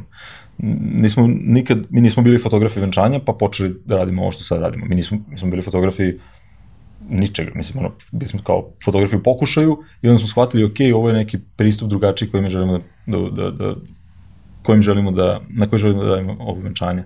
Ali taj moment, uh, kao krećemo ovo da radimo, odlučili smo da ćemo da budemo fotografi venčanja, ovo onda mora da bude nešto što će nama da donese uspeh u životu. Ni, jednostavno nismo se mirili sa tim da to bude nešto malo. Mi tu sad fotografišemo neka venčanja, imamo puno slobodnog vremena i to je to. Kao, jednostavno smo stvarno imali onako ozbiljan drive jer smo mladi, mislim da li smo mladi, ali smo tad bili baš mladi i kao Znaš, kad, si, kad, si, kad imaš 18-19 godina, stvarno sebi želiš najviše što možeš da, da, da postigneš. I onda kao, ajde da vidimo kako da postignemo najviše od toga. Puno je bilo tada već priča o tom brendiranju i koliko je brendiranje, pogotovo taj self-branding, koliko je bitno da se izvede i da se uradi. Velika sreća je u celoj priči što se Katarina zove Katarina Sharon, stvarno, u ličnoj karti. Tako, tako da smo shvatili kao, ok, ajde da napravimo nešto što će biti zvučno ime, nešto što će ljudi da primete i idemo redom, ajde da vidimo šta nam prvo treba, kao ime, Danilo and Sharon. Internacionalno je dovoljno da mogu ljudi da čuju, kao Danilo je kao srpsko ime, ali mogu, postoji italijani koji se zovu Danilo i nema niko ko će ž, nj, Da, može da se izgovori. Može da se, tako je, može da se izgovori. Ja sam bio, čak i razmišljali smo da li da ga nešto skraćujemo, da li, kao, ali ne, ajde, bit će mi, jer kapirao sam, bit će mi jako neprijatno, da mi se neko dođe i kaže, ćao, Dan, ono, kao, ja budem fazonu, znaš, ne, ni, nisam, ne, nisam mogao to. I onda smo, ovaj, onda smo kao presekli, ok, Danilo and Sharon, jer Danilo i Katarina već ne bi bio takav, tako zvučan brend. Um, krenuli smo sa tim. I u tom celom procesu, bez, bez dinara, shvatamo da nam treba sajt, da nam treba logo, da nam treba mali milion stvari i shvatamo, negde od starta smo mi sk- skapirali da nama, da ono na šta najviše fotografa obraća pažnju da je kao suština za uspeh, dobra oprema, uopšte nije bitno. I mi kao potvrda toga, mi dan danas koristimo iste fotoaparate, znači mi nismo promenili fotoaparate od momenta kad smo osnovali Daniel Sharon. Znači mi koristimo iste Canon 6D fotoaparate koji na sebi imaju više kilometara nego ono Golf iz 86. Ali nas ne zanima nas to, jer kao nema nikakve potrebe za tim, ono, kada, jer kao ni, ne radimo produkt, kao sušti, maše se suština kada juriš da promeniš pravi objektiv na, na venčanju i ostalo. Mi fotografišemo sa dva fotoaparata, na jednom je 35 mm objektiv, na drugom je 50 mm objektiv. 50 mm je ono što vidiš jednim okom, 35 mm je ono što vidiš dva oka. I to su tvoje uspomene. I kad tako vidiš, kad shvataš da ti praviš ljudima uspomene, to mora da izgleda kao uspomene. Ti kad fotografišeš venčanje sa objektivom 70-200 ili ono zoomiraš ono nekog gosta koji se nalazi na 300 km od tebe, Ili To makro niče, detalje tako koji plastično čim pogledaš ta, tu fotografiju. to niko tako svojim očima ne vidi. I kad ti shvatiš da je, to je suština, kao, to je ono što mi, što mi prodajemo, to je naša, to je ona, ona glavna vrednost koju mi radimo i oko koje se mi, o, kojom se mi bavimo, to je to, ok, ne, ne zanima me da uložim više dinara u opremu, idemo sad, znači imamo osnovnu opremu koja nam treba za to u šta mi verujemo, idemo sad da ulažemo novac i vreme u one stvari koje, u koje drugi, drugi ne ulažu novac i vreme, a zapravo čine tu razliku zbog čega ti ljudi zovu i zbog čega će ti ljudi o, angažovati. I onda smo, Ali ima tu jedna stvar da prosto kad počinješ moraš da praviš neke kompromise, ali postoje stvari oko kojih možeš da praviš kompromise, postoje stvari oko kojih ne bi trebalo da praviš kompromise, ili bar ako ih praviš, treba budeš svestan toga da možda nisi trebalo da ih napraviš. Uh, oprema je svakako bitna stavka i vremenom se stvari drastično komplikuju ovaj, za, za prethodnih 7-8 godina šta se sve pojavilo i šta je sve dostupno, ali upravo to, kao jureći konstantno za poslednjom opremom koja je zašla, ti gubiš, Gubiš sve ono fokus. ostalo, što, i, i što je vrlo bitno, uh, znaš kao, mi- smo godinama uh, koristili uh, Canone za sve i oni su, to je savršenstvo, kao što je Nokia bila savršenstvo. Da, da, Ne, da. ne poredim dve stvari, samo prosto ono, kvalitet izrade, način na koji funkcioniše, da bukvalno žmureći znaš gde je šta u meniju. I onda u nekom trenutku, zbog potrebe posla, promeniš tehnologiju, jer za neke stvari ti drugi proizvođači daju mnogo više za taj novac. Ali nešto žrtvuješ. Žrtvuješ to da imaš aparat koji kad uzmeš u ruke i na, ako ga koristiš dve godine i dalje ne umeš da koristiš meni. I kao, Tako je. brate, kako neko može da napravi ovako nešto i da ne reši tu bazičnu stvar? Ili da imaš aparat koji kao, to što izlazi iz njega, taj fajl koji izlazi je spektakularan na hiljadu načina, ali kada držiš taj aparat u ruci, osjećaš se užasno, osjećaš se kao da držiš igračku.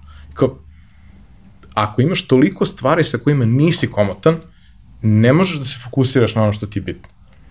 E, jedna od stvari, recimo, koja se sećam, e, kad sam slušao da je vama vrlo važna bila ta prezentacija. Ok, ime, da, zvučno je, interesantno je, ostavlja utisak, sve cool, ali kao i vizualna prezentacija svega je to trebalo da prati. A kako je uradiš na, na dobar način ako nemaš e, resursa, nemaš znanja u tom trenutku. Samo znaš šta hoćeš da dobiješ, ali ne znaš baš kako da dođeš do toga.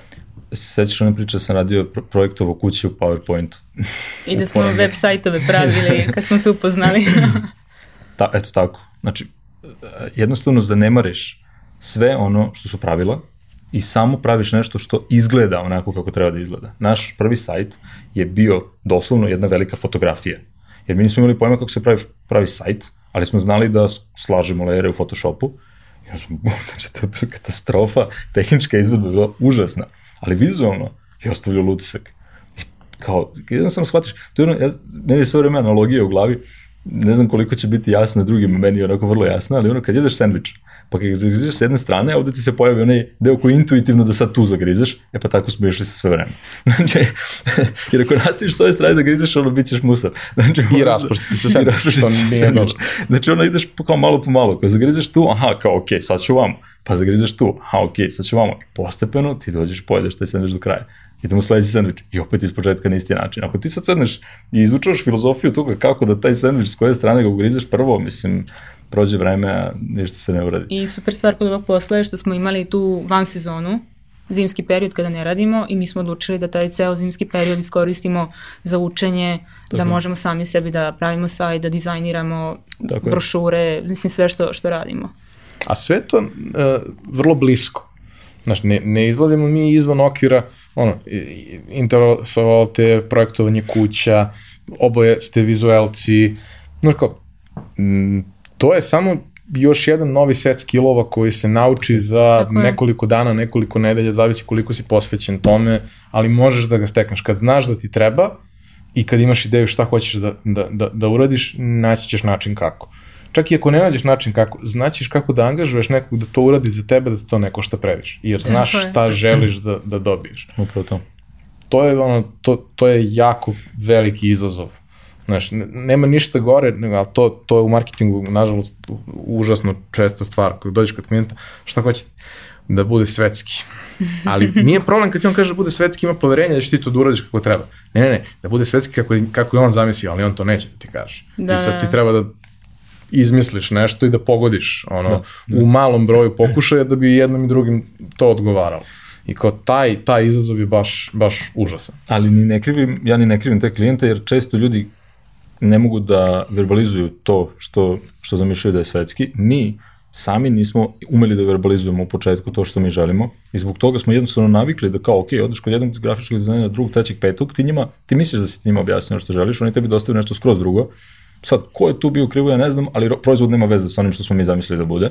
A i kad radiš sa nekim drugim imaš to da imaš određen broj promjena. Ne možeš sad Da. ti njemu, on, on ti da neki proizvod, ti si na kraju kao pa ne sviđa mi se, pa ga ponovo menjaš, pa koliko puta ti se sad ne sviđa. Da, da, da. Imaš odgovornost prema nekome što je uložio vreme, trud i naravno plaćaš ga, a ovako smo sami mogli to da menjamo sto puta dok ni, mi smo menjali logo, zvanično logo, znači ne onaj koji je, smo, na, mi smo imali sedam logova, sigurno, Najmanje, koje, i sedam sajtova i različitih dizajnova dok nismo došli na kraju, aha, ovo je, ovde sada vidimo Danilo i Sharon u ovom dizajnu. Ali ono što, samo, ali vodilja dizajna za Danilo i Sharon nam je bila, znači, ako imamo mlad, nama je cilj mlada. Mlada, jer obično one traže Mlada, fotografe. to je jasno. E, ako mlada voli brendove kao što su Apple, kao što je, ne znam, Jacques Mus, kao što u modi ili u, ne znam, ove ili one... Prada, nebitno. Prada, nebitno. E, ako naš sajt, naša prezentacija liči na to, kog će ona fotografa izabrati? Među fotografima venčanja. Da li će birati, jer obično kad su fotografi venčanja u bilo kojoj, žan, u bilo kojoj sferi poslovanja ljudi gledaju konkurenciju, ka, šta radi konkurencija, ja ću to da radim, ali pazi, e, to može kad si ti radiš nešto što je, što je usluga koju prodaješ iznova i iznova i imaš stalne klijente, ali ti ovdje imaš jednom jednog klijenta kojeg moraš da oduševiš odmah i taj ti više nikad ne dolazi, dolazi ti neko sledeći. Ma, ima ljudi koji se više puta venčavaju. Ne kažem. Ali to je bio taj moment, tu smo shvatili ono kao, želimo da se dopadnemo toj mladoj, nije bitno da li se dopadamo drugim fotografima venčanja, to je pre svega bilo pre, presudno da se, da se, Oni da se nisu odluči, klijenti, jer nam da, oni nisu klijenti, ok, ko je nama klijent, ta i ta mlada, ona voli to, to, to i to, i mi volimo slične stvari i ajde onda da to što mi nudimo liči na to što, što ona voli i da ona zbog toga se odluči za nas. Imate jedan citat Henry Forda koji, koji sam, mislim, citirao jedno sto puta do sad, možda ne u podcastu, ali sigurno nekoliko, a to je da kao, e, postoje stvari koje možeš da očekuješ kao povratnu informaciju od ljudi, ali postoje i one koje ne možeš. I kad god je to neka e, evolutivna promena, to nije problem, jer to sve liči na ono što je bilo do tog trenutka, ali kad se dešava nešto što je skok potpuni, što je revolucija u odnosu na ono što je bilo do tad, ne možeš da očekuješ da ćeš to dobiti kao povratnu informaciju. To je ono kad kaže da sam pitao ljude šta žele, rekli bi mi brže konje. Tako je. To jeste ono što ljudima treba. Kako ćeš ti da im rešiš taj problem? Pa možeš da ga rešiš na mnogo načina, ali brži konji verovatno nisu jedan od njih, mada možda i jesu, nis, nismo probali. A, kako ste se marketirali? Na koji način su ljudi dolazili do vas? Ok, jedan deo je prosto bilo po preporuci i verujem da je to veoma značajno. Apsolutno. Ali nije jedino, ne možeš, odnosno možeš, ali uz mnogo više vremena da izradiš neku priču ako ideš samo tako.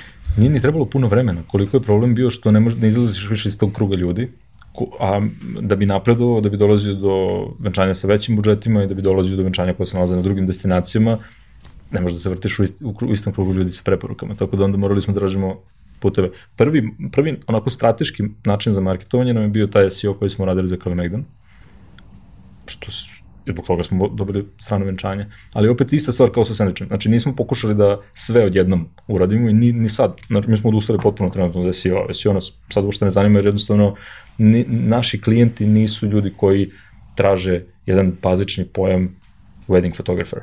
Znači, to nisu ljudi koji traže rješenje problema u wedding fotografiji, to su ljudi koji žele nešto drugačije i ti ljudi nas nalaze na drugi, kan drugim kanalima. Sada se fokusiramo maksimalno na Instagram, jer je to nek, mesto gde mi možemo vrlo brzo da privučemo pažnju i da da ostavimo utisak i da ta osoba nastavi da nas prati, jer kao ne, ne followuješ sajt, možda ga staviš u bookmark, ali kao nije baš da mnogo vršiš po bookmarku. Znači, da otvoriš telefon i kao vršiš po bookmarcima, bookmarkovima. Ovaj. Ne znam, ja sam čuo da postoje ovaj, ti, ti slučajevi da, i ti si pomenuo to u jednom trenutku kao te, žene koje možda još uvijek nemaju mladoženju, ali znaju ko će mi pogledati da, da, da. kao, kao potencijalni mladoženje, to zvuči zastrašujuće malo, ali dobro, ok. Uh, ali, uh, kažeš, sada je Instagram nešto što, što je zaista big deal.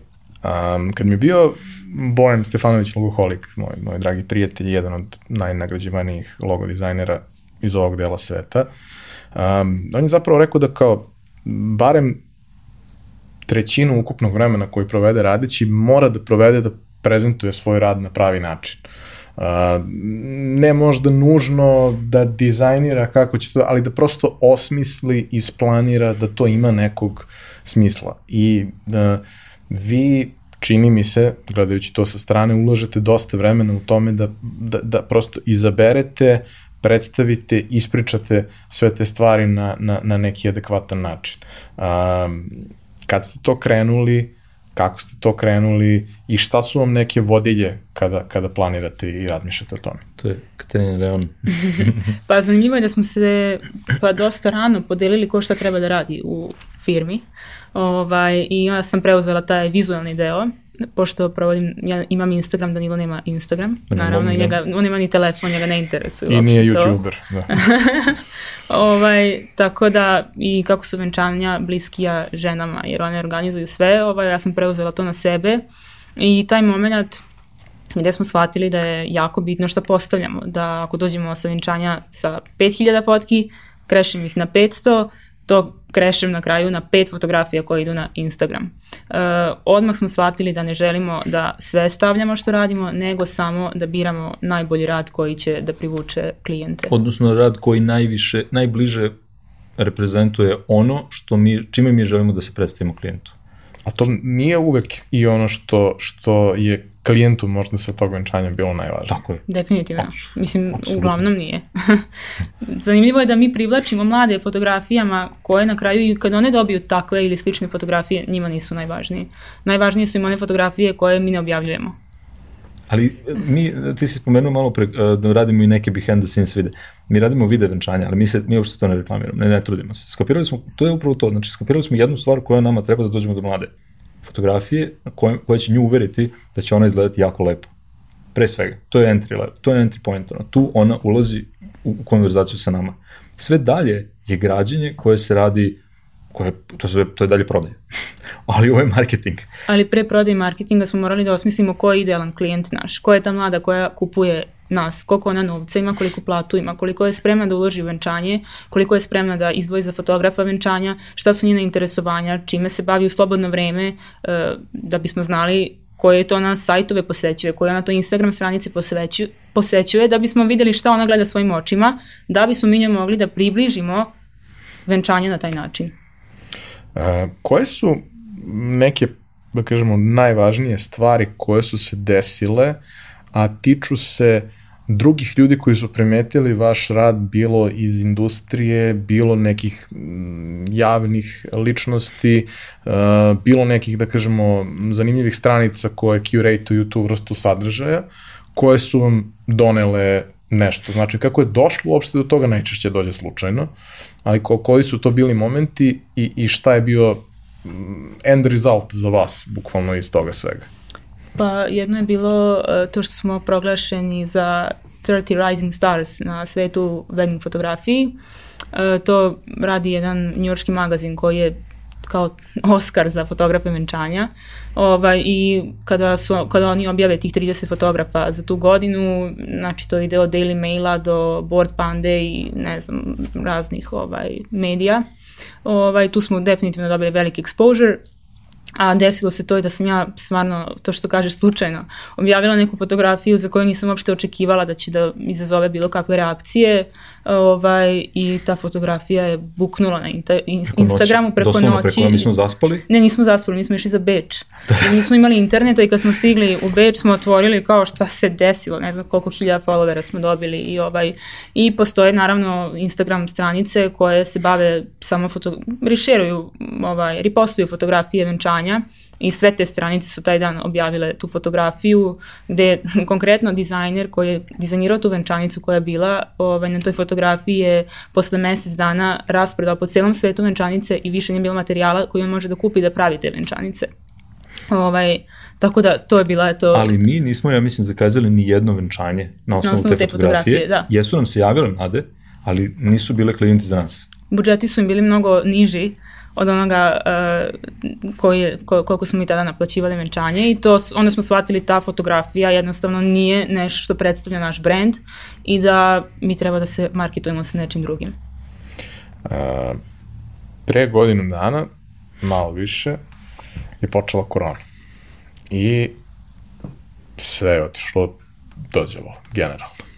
I to je podrazumevalo potpuno promenu životnih ritmova, stila, industrija venčanja kod nas koja je takođe izuzetno jaka i razvijena na neki svoj način, onako industrijski, ovo je bukvalno, je takođe bilo potpuno malo, tu i godinu dana se ništa nije desilo, većina venčanja je samo pomerena za godinu dana.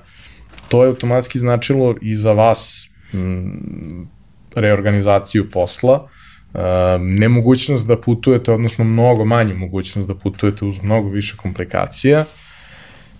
Kad je to sve krenulo, kapiram da u prvom trenutku je olakšanje što možeš malo da se odmoriš, ali vrlo brzo prođe to olakšanje i onda kažeš, ok, šta sad?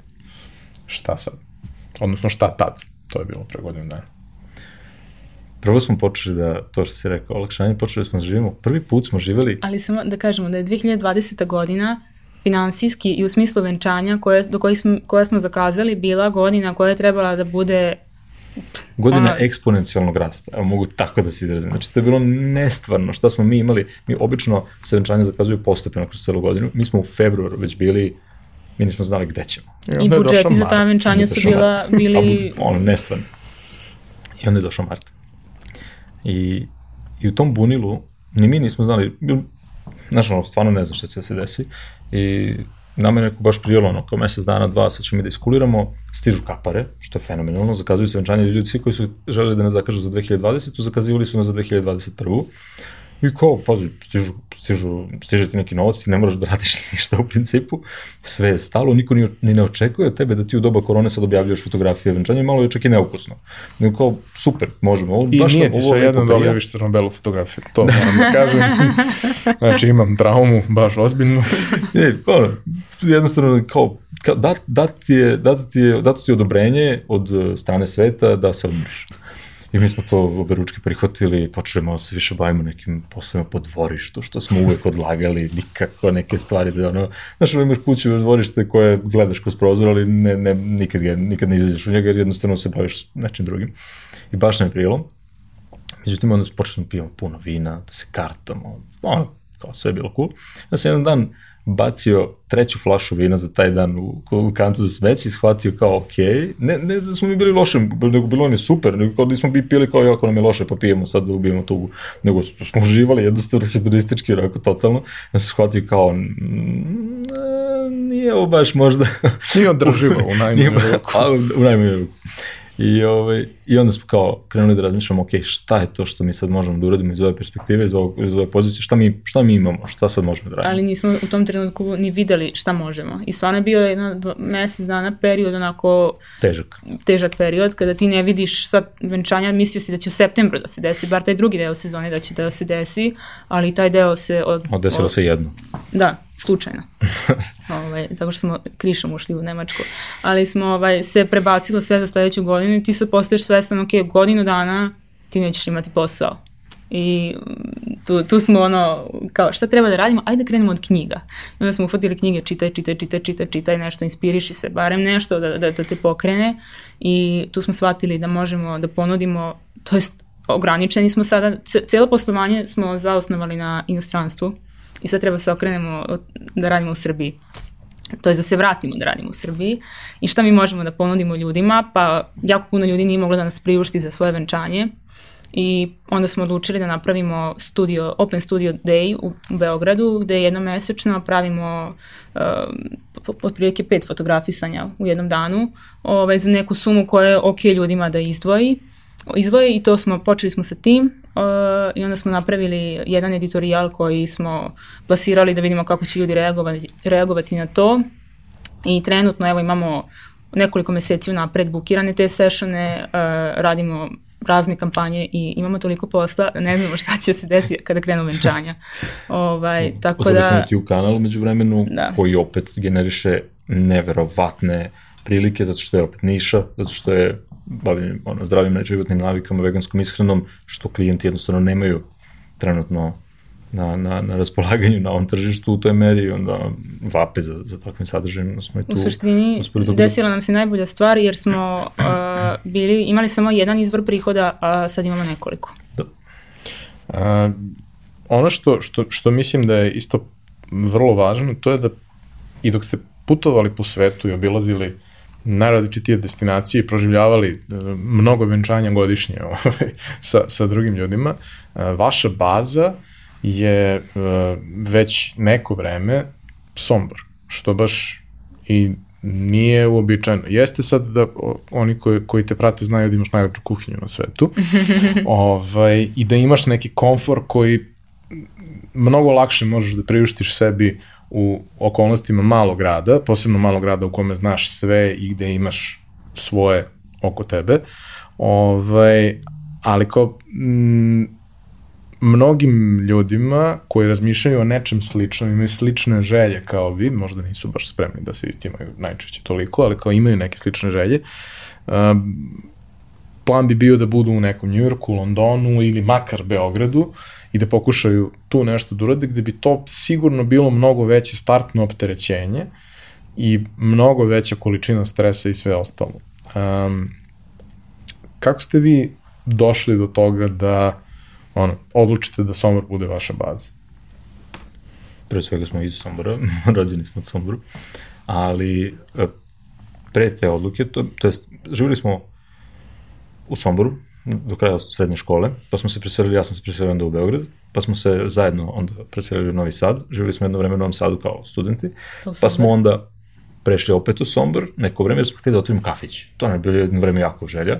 Ja smo hteli da otvorimo neki mali kafić u Somboru, onda smo shvatili da nemamo uopšte tržište za to, onda smo otišli iz Sombora za Beograd, gde smo počeli da radimo u jednoj marketing agenciji, čak kao fotografi radnim danima, a vikendom smo fotografisali venčanja, ono, ne, ne, ne, nestvarno, mislim, potpuno, ono, ja sam baš, do, zdravstveni problemi su morali da preseku tu priču, bukvalno.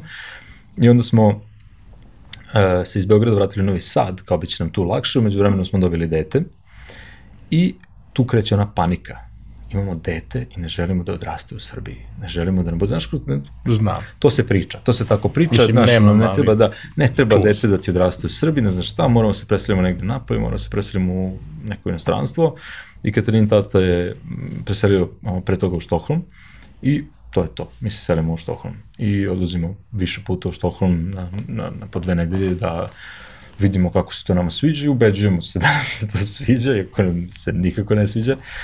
I onako u jednom momentu još da sve to shvat, zaključ, ono, dobijemo informaciju da šveđani se ne venčavaju. Kao oni tu uopšte ne rade. Oni jednostavno živaju ljudi u vanbračnim zajednicima ceo život. Jer oni posle, mislim, šest meseci zajedničkog života imaju sva prava kao da su venčani no, i ne zanima ih uopšte taj čin venčanja, oni vrlo redko pravi, ako prave, prave nešto malo. Znači, ima naši tržište... tamo koji prave, ali to pa, je to vrlo tržište, da. specifična da. publika. Da, da, da, da.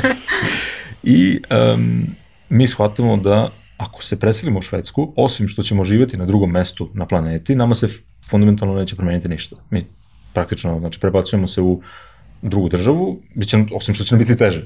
Prebacujemo se u drugu državu sa bebom, gde mi, ako gde god da idemo u svetu da fotografišemo neko venčanje, moramo da ostavljamo bebu nekome. Kome?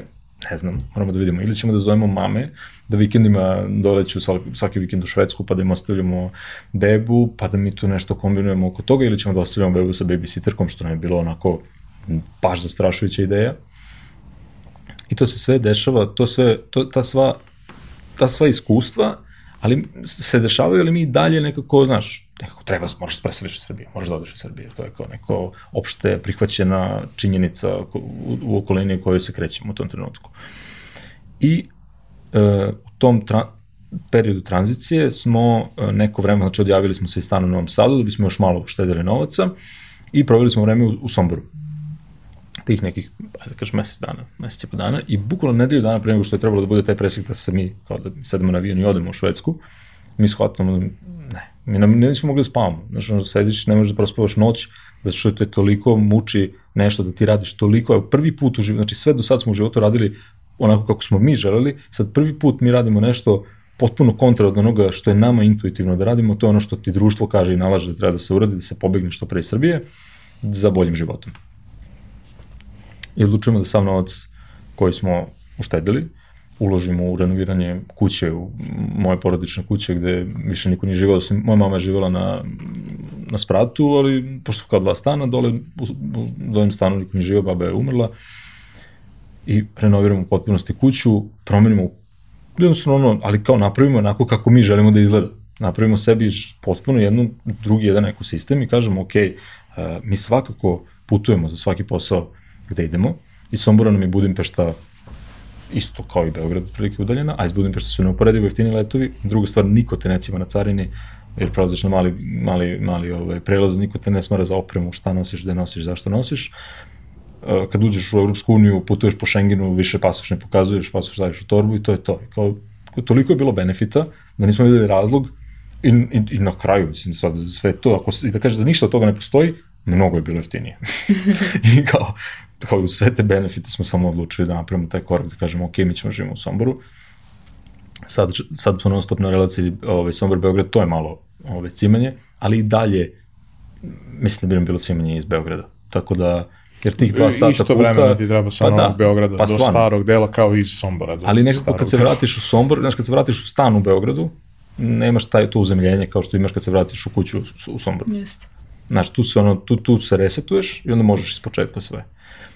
Ta, ti benefiti uh, imati na raspolaganju baka servis, ostaviti dete, odeš na 3, 4, 5 dana, 7 dana negde na put i znaš da je dete obasuto ljubavlju, obasuto pažnjom, da, da, da, da, mu, da ne pati za to, da mu ne, ne fališ, da kad se vratiš u fazonu kad ćete opet da idete. Kad ćete opet da idete, to su stvari koje su nam onako bile ozbiljno definisale to da, da želimo da se, da ostanemo ovde.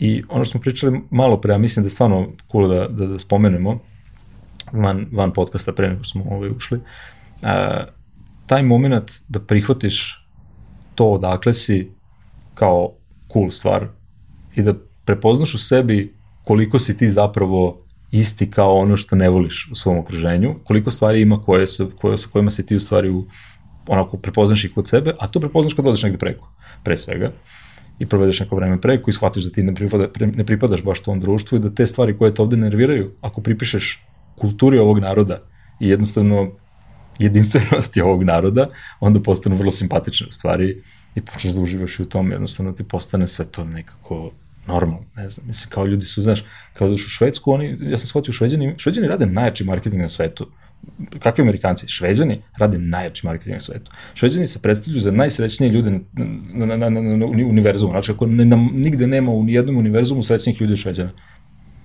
Apsolutno nije tako. Kada odeš tamo, kad provedeš tamo neko vreme, shvatiš da to nije tako. Da nema nigde univerzalna sreća, nema nigde sreća da ti sad odeš pa sad si ti tu srećan zbog toga što si tu, ne, toga nema. Ono.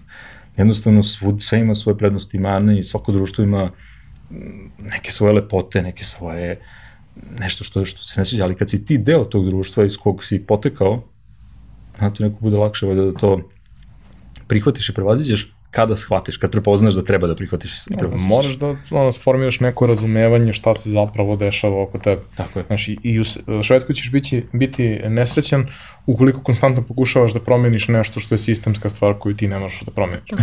Ako očekuješ da bude toplo, vrate, nećeš biti srećan. Ako očekuješ da bude sunce, ono, idi na majku, jer tamo jeste i potpuno je sve drugačije, ali kao to, ta potreba da, znaš, kao, kao naši ljudi koji konstantno uh, tuguju za tim što Srbija nema more.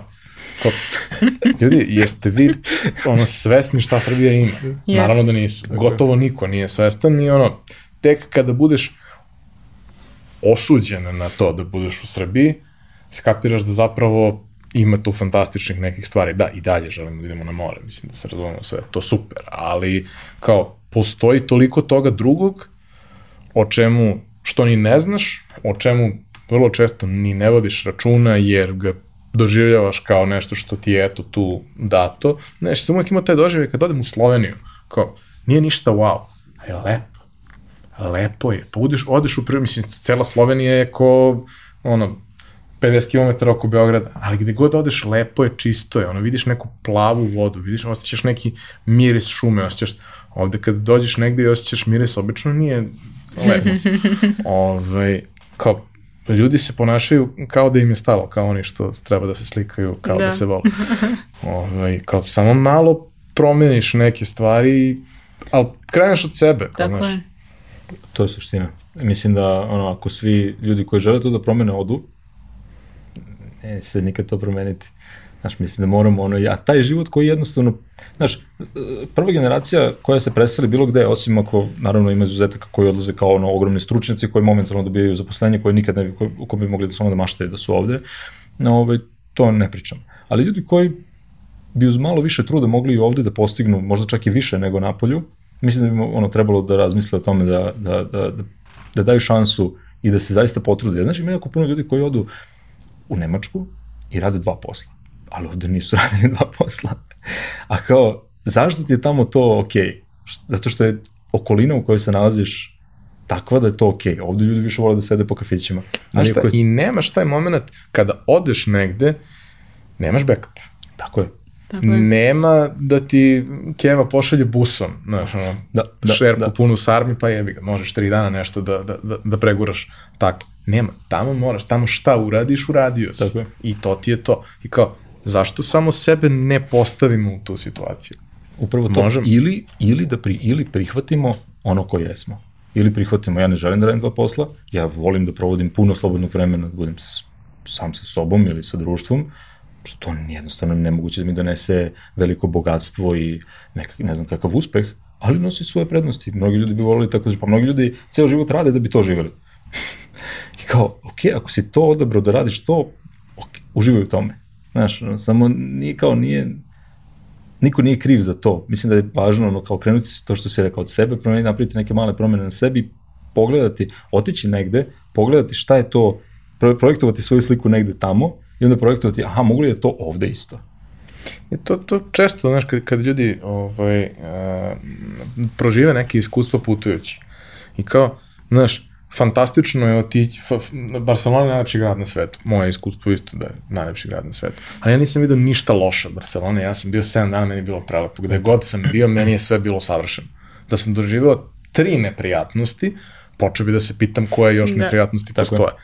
Znaš, ali to kad, kad doživiš to na taj način, kao i kad, ne znam, imaš gomilu tih naših ljudi koji su, koji su otišli negde, tamo žive kako žive, ali imaju plate koje imaju, i onda gledaju da tokom leta ili kad god mogu dođu ovde i kao njima je ovde uh, fantastično, uh, cene su niske, sve to. Kao, super, ali ti nisi iz ovog konteksta. Tebi je ono, pivo u Danskoj e, 14 eura i onda kad dođeš ovde i dva je, tebi je super. Ali tvoja plata u Danskoj Jeste. je dosta veća nego što je ona ovde. Sve može da se, svuda može da se nađe neko rešenje i u principu mogućnosti jesu veliki i neograničen, posebno za, za, za nas, čak i mene, ovaj, koji smo kao još uvek dovoljno mladi da možemo da napravimo razne iskorak i nismo vezani toliko i nemamo toliko ograničenja koja, koja prosto vremenom život ti nametni. Kad imaš kao, kad imaš eh, četvoro dece, ne možeš da rizikuješ baš onoliko koliko možeš kad nemaš nikog. Mislim, Jest. možeš, ali malo, malo je m, pogrešno. Ove, ali kao onda iskoristi te mlade godine da možeš da probaš različite stvari. Da. da možeš da radiš posao i nakon posla provedeš određeni broj sati učeći nešto što želiš, razvijajući hobi da postane nešto više od toga, kao znaš, ima mogućnosti, ali je mnogo važno da svi, barem se mene tako čini, kao preuzmemo odgovornost za, sebe. za sebe i stvari koje radimo. Ali ne ono, znaš, ne virtualnu odgovornost, uh, ja sa to hoću, ali neću da uradim ništa po tom pitanju, nego ću čekam da se desi. Ne, ne, kao, preuzmi zaista odgovornost. Stavi sebe zaista u poziciju da sve zavisi od toga. Jer samo tad ćeš se zaista iscimati. Samo tad je to nešto što, što ti je stvarno važno. Pa to je ono što kažeš, znači, da li želiš taj rezultat ili prihvataš i proces da se dođe do tog rezultata ako ga želiš. Jer ako samo želiš taj rezultat i god da si na svetu, svakako se neće desiti bez da prihvatiš i taj proces. Tako da mislim da je stvarno to ovaj, od ogromne važnosti za celo naše društvo, pogotovo za mlade ljude danas da to da to razumeju, da to prihvate. Mislim, evo ja ću sad ono, da, stvarno da banalizujem, e, samo šta smo, šta smo mi, evo, na primjer, uradili. Kad si klinac i gledaš američke filmove i u američkim filmovima sve uh, porodice kojima je lepo u životu, koji su stali na noge, žive u nekim uh, pre, predgrađima, suburbsima, tim njihovima. I imaju zlatnog retrivera. Imaju zlatnog retrivera, imaju veliku kuću i uglavnom ono sedaju u kola i idu dva sata negde u neki grad da nešto rade, vraćaju se kući i to je to. Vidi, živiš u Somboru, voziš dva sata do Beograda, imaš lepu kuću u Somboru u kojoj uživaš. To je isto. To je isto. Meni je to, meni je to bukvalno, meni je to zaista potpuno ista stvar. Znači, samo ako je tako, shvatiš da je to tako. E sad, nije isto, pošto smo mi praktično jedini, ajde ima nas nekoliko, ima ljudi koji su čak došli iz Beograda, nekoliko porodica da žive u Sombor, baš u Sombor, jer im se dopao kao grad. Ali kao, ako bi više ljudi to shvatilo, počelo da ide tako po malim mestima i počelo da se pravi onda te zajednice tih ljudi koji kapiraju neke stvari, rade neke super stvari, pojavljuju se da žive u tim manjim sredinama, to je potpuno jedan drugi ekosistem. Postoje ti odjednom sve mnogo interesantnije i mnogo bolje, ali mora neko to da uradi, mora neko da krene s tim, ne može da, ne možemo svi da maštamo da se to uradi, da se to desi, a da niko ne uradi ništa po tom pitanju. Znaš, mislim, filmovi su da, divna stvar za inspiraciju. Filmovi su divna stvar da ti uh, usade neku ideju, nekad možda ti daju hrabrost da nešto probaš. Ali kao, ja se sećam prvi put kada sam bio u Njujorku i za sad jedini, ovaj, probao sam 7 dana na Manhattanu sa prijateljima i kao, znaš, jebi ga, odrastao si na tome od, od Ninja Kornića preko svega ostalog i kao, ti si toliko toga video toliko puta. I sada šetaš ono svako veče i popodne, bil, nije baš bilo za, po, u, u, ono, centralnom delu dana nije baš bilo za šetnje, pošto je bio jul, bilo je možda 45 stepeni, sve usijano, ali kao popodne, predveče, noću je super. I kao, na Manhattanu si, u principu si bezbedan. Šetaš se, šetaš se, šetaš se i kao sećam se samo sa, sa, sa, najboljim prijateljem šetam i samo razmišljam kao, brate, kao, prvo, mislim, wow ti je prvi put kad sve to vidiš, peti put kad vidiš Empire State Building, kao vrate, Empire State Building, ali kao jednu stvar nikad neću da zaboravim i to mi je, i sad, sad mi se vrati to, jer kao je ta senzorna pamćenja, vrlo često su ono kao i, i mirisi i taktilnost i sve to i kao, vrate, ni u jednom filmu ovo nije smrdelo ovako. kao New York, Manhattan je baš karakterističan po tome. I kao nije to strašno, ti se peti dan navikneš na to ali kao, jednostavno, toliko ljudi, toliko prljavštine, toliko svega toga, vrućina, sve, kao, hmm. brate, i to i kao koliko je sve prljavo. Znaš, na nekim mestima, da odeš po Americi u San Francisco, nemaš taj vibe ni u jednom trenutku. Shvatiš koliko šta košta, pa ti nije dobro, ali kao, lepo je, malo je, sve je usređeno, sve to. New York je džungla i s te strane je kao baš, baš stresan. I super je videti, ali kao kad staviš u Excel koliko je tu da živiš i šta moraš da uradiš da bi se to desilo, mm. to je jako strašno. E, uh, za sam kraj, uh, voleo bih, pošto već uh, neko vreme objavljujete na njenom kanalu sadržaje, ovaj, koji su krenuli od, od kuvanja, ali se u suštini sada bave vašim životom, vašim rutinama i svim nekim stvarima, zaista najtoplija preporuka svakome da pogleda, jer će verovatno naći nešto što može da proba u svom životu. Ali jedan bitan deo uh, svega toga, uh, upravo zato što ja najiskrenije mislim da ste vi sjajni, mladi, divni ljudi, koji ste e, malte ne jedini primer e, e, vegana koji nisu militantni ovaj, i koji ne objašnjavaju svima i ne pokušavaju sve da, da, da preobrate silom u tako nešto. Kao, zahvaljujući tome što radite i tome kako to radite, kao svako ko to gleda razmišlja da bi možda to želeo da, da proba, da prosto ono, neki deo vremena posveti tome da eksperimentiše, možda mu to prija. Jer svi smo mi kao odlasti na nečemu što je bilo vrlo tradicionalno, onda su se izdešavale prethodnih 15 godina prilična revolucija na ovim našim prostorima što se tiče kuhinje, pa ti sad zaista ono, na svakoj dostavi, na svemu imaš sve opcije hrane i stvarno možeš sve da probaš i onda skapiraš da koliko god možda bio konzervativan u nekom trenutku to neko natera da probaš i onda se otvori Disney i desi se čudo. A, pomenuli ste u jednom trenutku kako ste se vi prvi put susreli sa tim na jednom od venčanja. Ali kao, kako ste prebacili to da kao, mislim, Sombor, ljudi, ne očekuješ, uh, vegani su Sombor. Ove, kako ste vi ušli u tu priču i šta je to vama danas? Uh, ja sam započela to. Ja, ja uglavnom započinjem stvari kod nas, a Danilo ih onda razvija. Ovaj, uh, pratila sam neke ljude na Instagramu koji su vegani, koji su bili vrlo agresivni i mene je ta agresija natrela da pogledam određene dokumentarce i kada sam pogledala te dokumentarce, ja sam predložila da Nilo, ajde da probamo nedelju dana, dve nedelje, da, da jedemo tako, neće ništa sad, ne, ne pravimo mi odluku da ćemo tako do kraja života, nego da probamo, čisto da vidimo da li se stvarno dešavaju te promene koji oni obećavaju da će ti se desiti. I ja se sećam u kolima smo u Somboru na nekom semaforu i on, si ti normalna bre, šta bre, ja meso u životu neću moći da izbacim, pa vidi kakve zube ima, pa on krene sad, pa ja njemu zašto da, on meni zašto ne i tu je rasprava, ali pošto ja kuvam, a on ne, ne, ne zna ništa da skuva, niti kuva, ovaj, bio je osuđen da jede tako kako sam ja pravila hranu. I ja sam odlučila te dve nedelje da probam da pravim vegansku hranu i moram da kažem da je bilo jako teško jer nisam imala prave izvore odakle bih se inspirisala.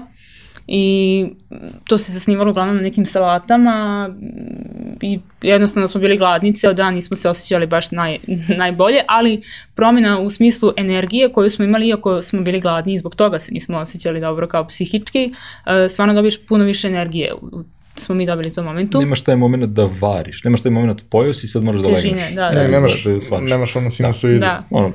I onda smo otišli na, u Zagreb na jednu konferenciju za fotografe venčanja u sklopu te dve nedelje ovaj, i tamo smo bili osuđeni da jedemo na ulici nešto i sve te stvari koje smo mi probali veganske su bile odvratne. E, to moram da kažem. I uglavnom, znači pre tri godine sve što je bilo da se kupi je bilo jako gadno. Ili mi nismo znali gde da, da gledamo. Gde da gledamo, jer to gde smo... I onda smo završili na pomfritu i kao ovo nema nikakvog smisla ako ćemo mi sad jesti pomfrit u McDonald'su, ovaj, ajde da mi probamo sada da, da, znači da se ne vratimo na staro, nego da uh, uvedemo mlečne proizvode i jaja. I mi stvarno tada, prvi dan kad smo rekli ajde probamo da jedemo veganski, nikad nismo više meso vratili u ishranu. Ovaj, jer smo shvatili stvarno da je istina to što pričaju ti ljudi, da su ti benefiti takvi kakvi jesu i umeđu vremenu se razvila i ta svest o životinjama koju mi ranije nismo imali. Nismo ih imali, nismo imali tu svest ni prvi godinu dana, mi smo iz lične... Da, stvarno, krenuli smo pre svega iz nekog onako nekog egoistične potrebe da jednostavno sebi učinimo bolje time što ćemo imati više energije i kao, da kažem, hraniti se zdravije. Z, ne kažem da je zdravija veganska ishrana, ali ako sebi onemogućeš da jedeš meso, time si sebi onemogućio da jedeš hamburgere, pice, i slične stvari koje su ti onako... Ja, dolaziš svakako u situaciji da moraš da se baviš pripremom ishrane, to, bili smo osuđeni da kuvamo. I razmišljaš o tome šta jedeš. I planiraš. Tako je. I ta osuđenost na kuhinju je najbolja stvar koja se nama desila jer ja obožavam da kuvam i ja sam to krenula da istražujem i sigurno je godinu dana trebalo da ja istražim vegetarijansku i vegansku kuhinju, uh, a mi smo vegani od uh, prošle godine, prilike godinu dana, malo manje i nismo 100% vegani, znači ja nisam u fazonu da nikad ne pojedem sir, desi se kad odemo na neku proslavu, ako želim, ako osjećam potrebu, I jednostavno ako je baba baba moja napravila. napravila nešto i odem kod nje i ona me gleda okicama, ja ću to da pojedem, jer kao što si rekao, ne želim vojnički da pristupam tome i da kažnjavam sebe, ali sam odlučila da idem ka tome i verujem da će jednog dana biti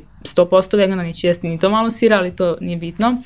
Ovaj, uglavnom mi smo to iz zabave, iz želje probali, shvatili da je super i uh, krenuli da istražujemo kuvanje na jedan potpuno drugačiji način, krenuli da koristimo namirnice za koje pre nismo ni znali, koje nismo kupovali i, ovaj, i onda se desila ta želja da to podelimo i sa drugima.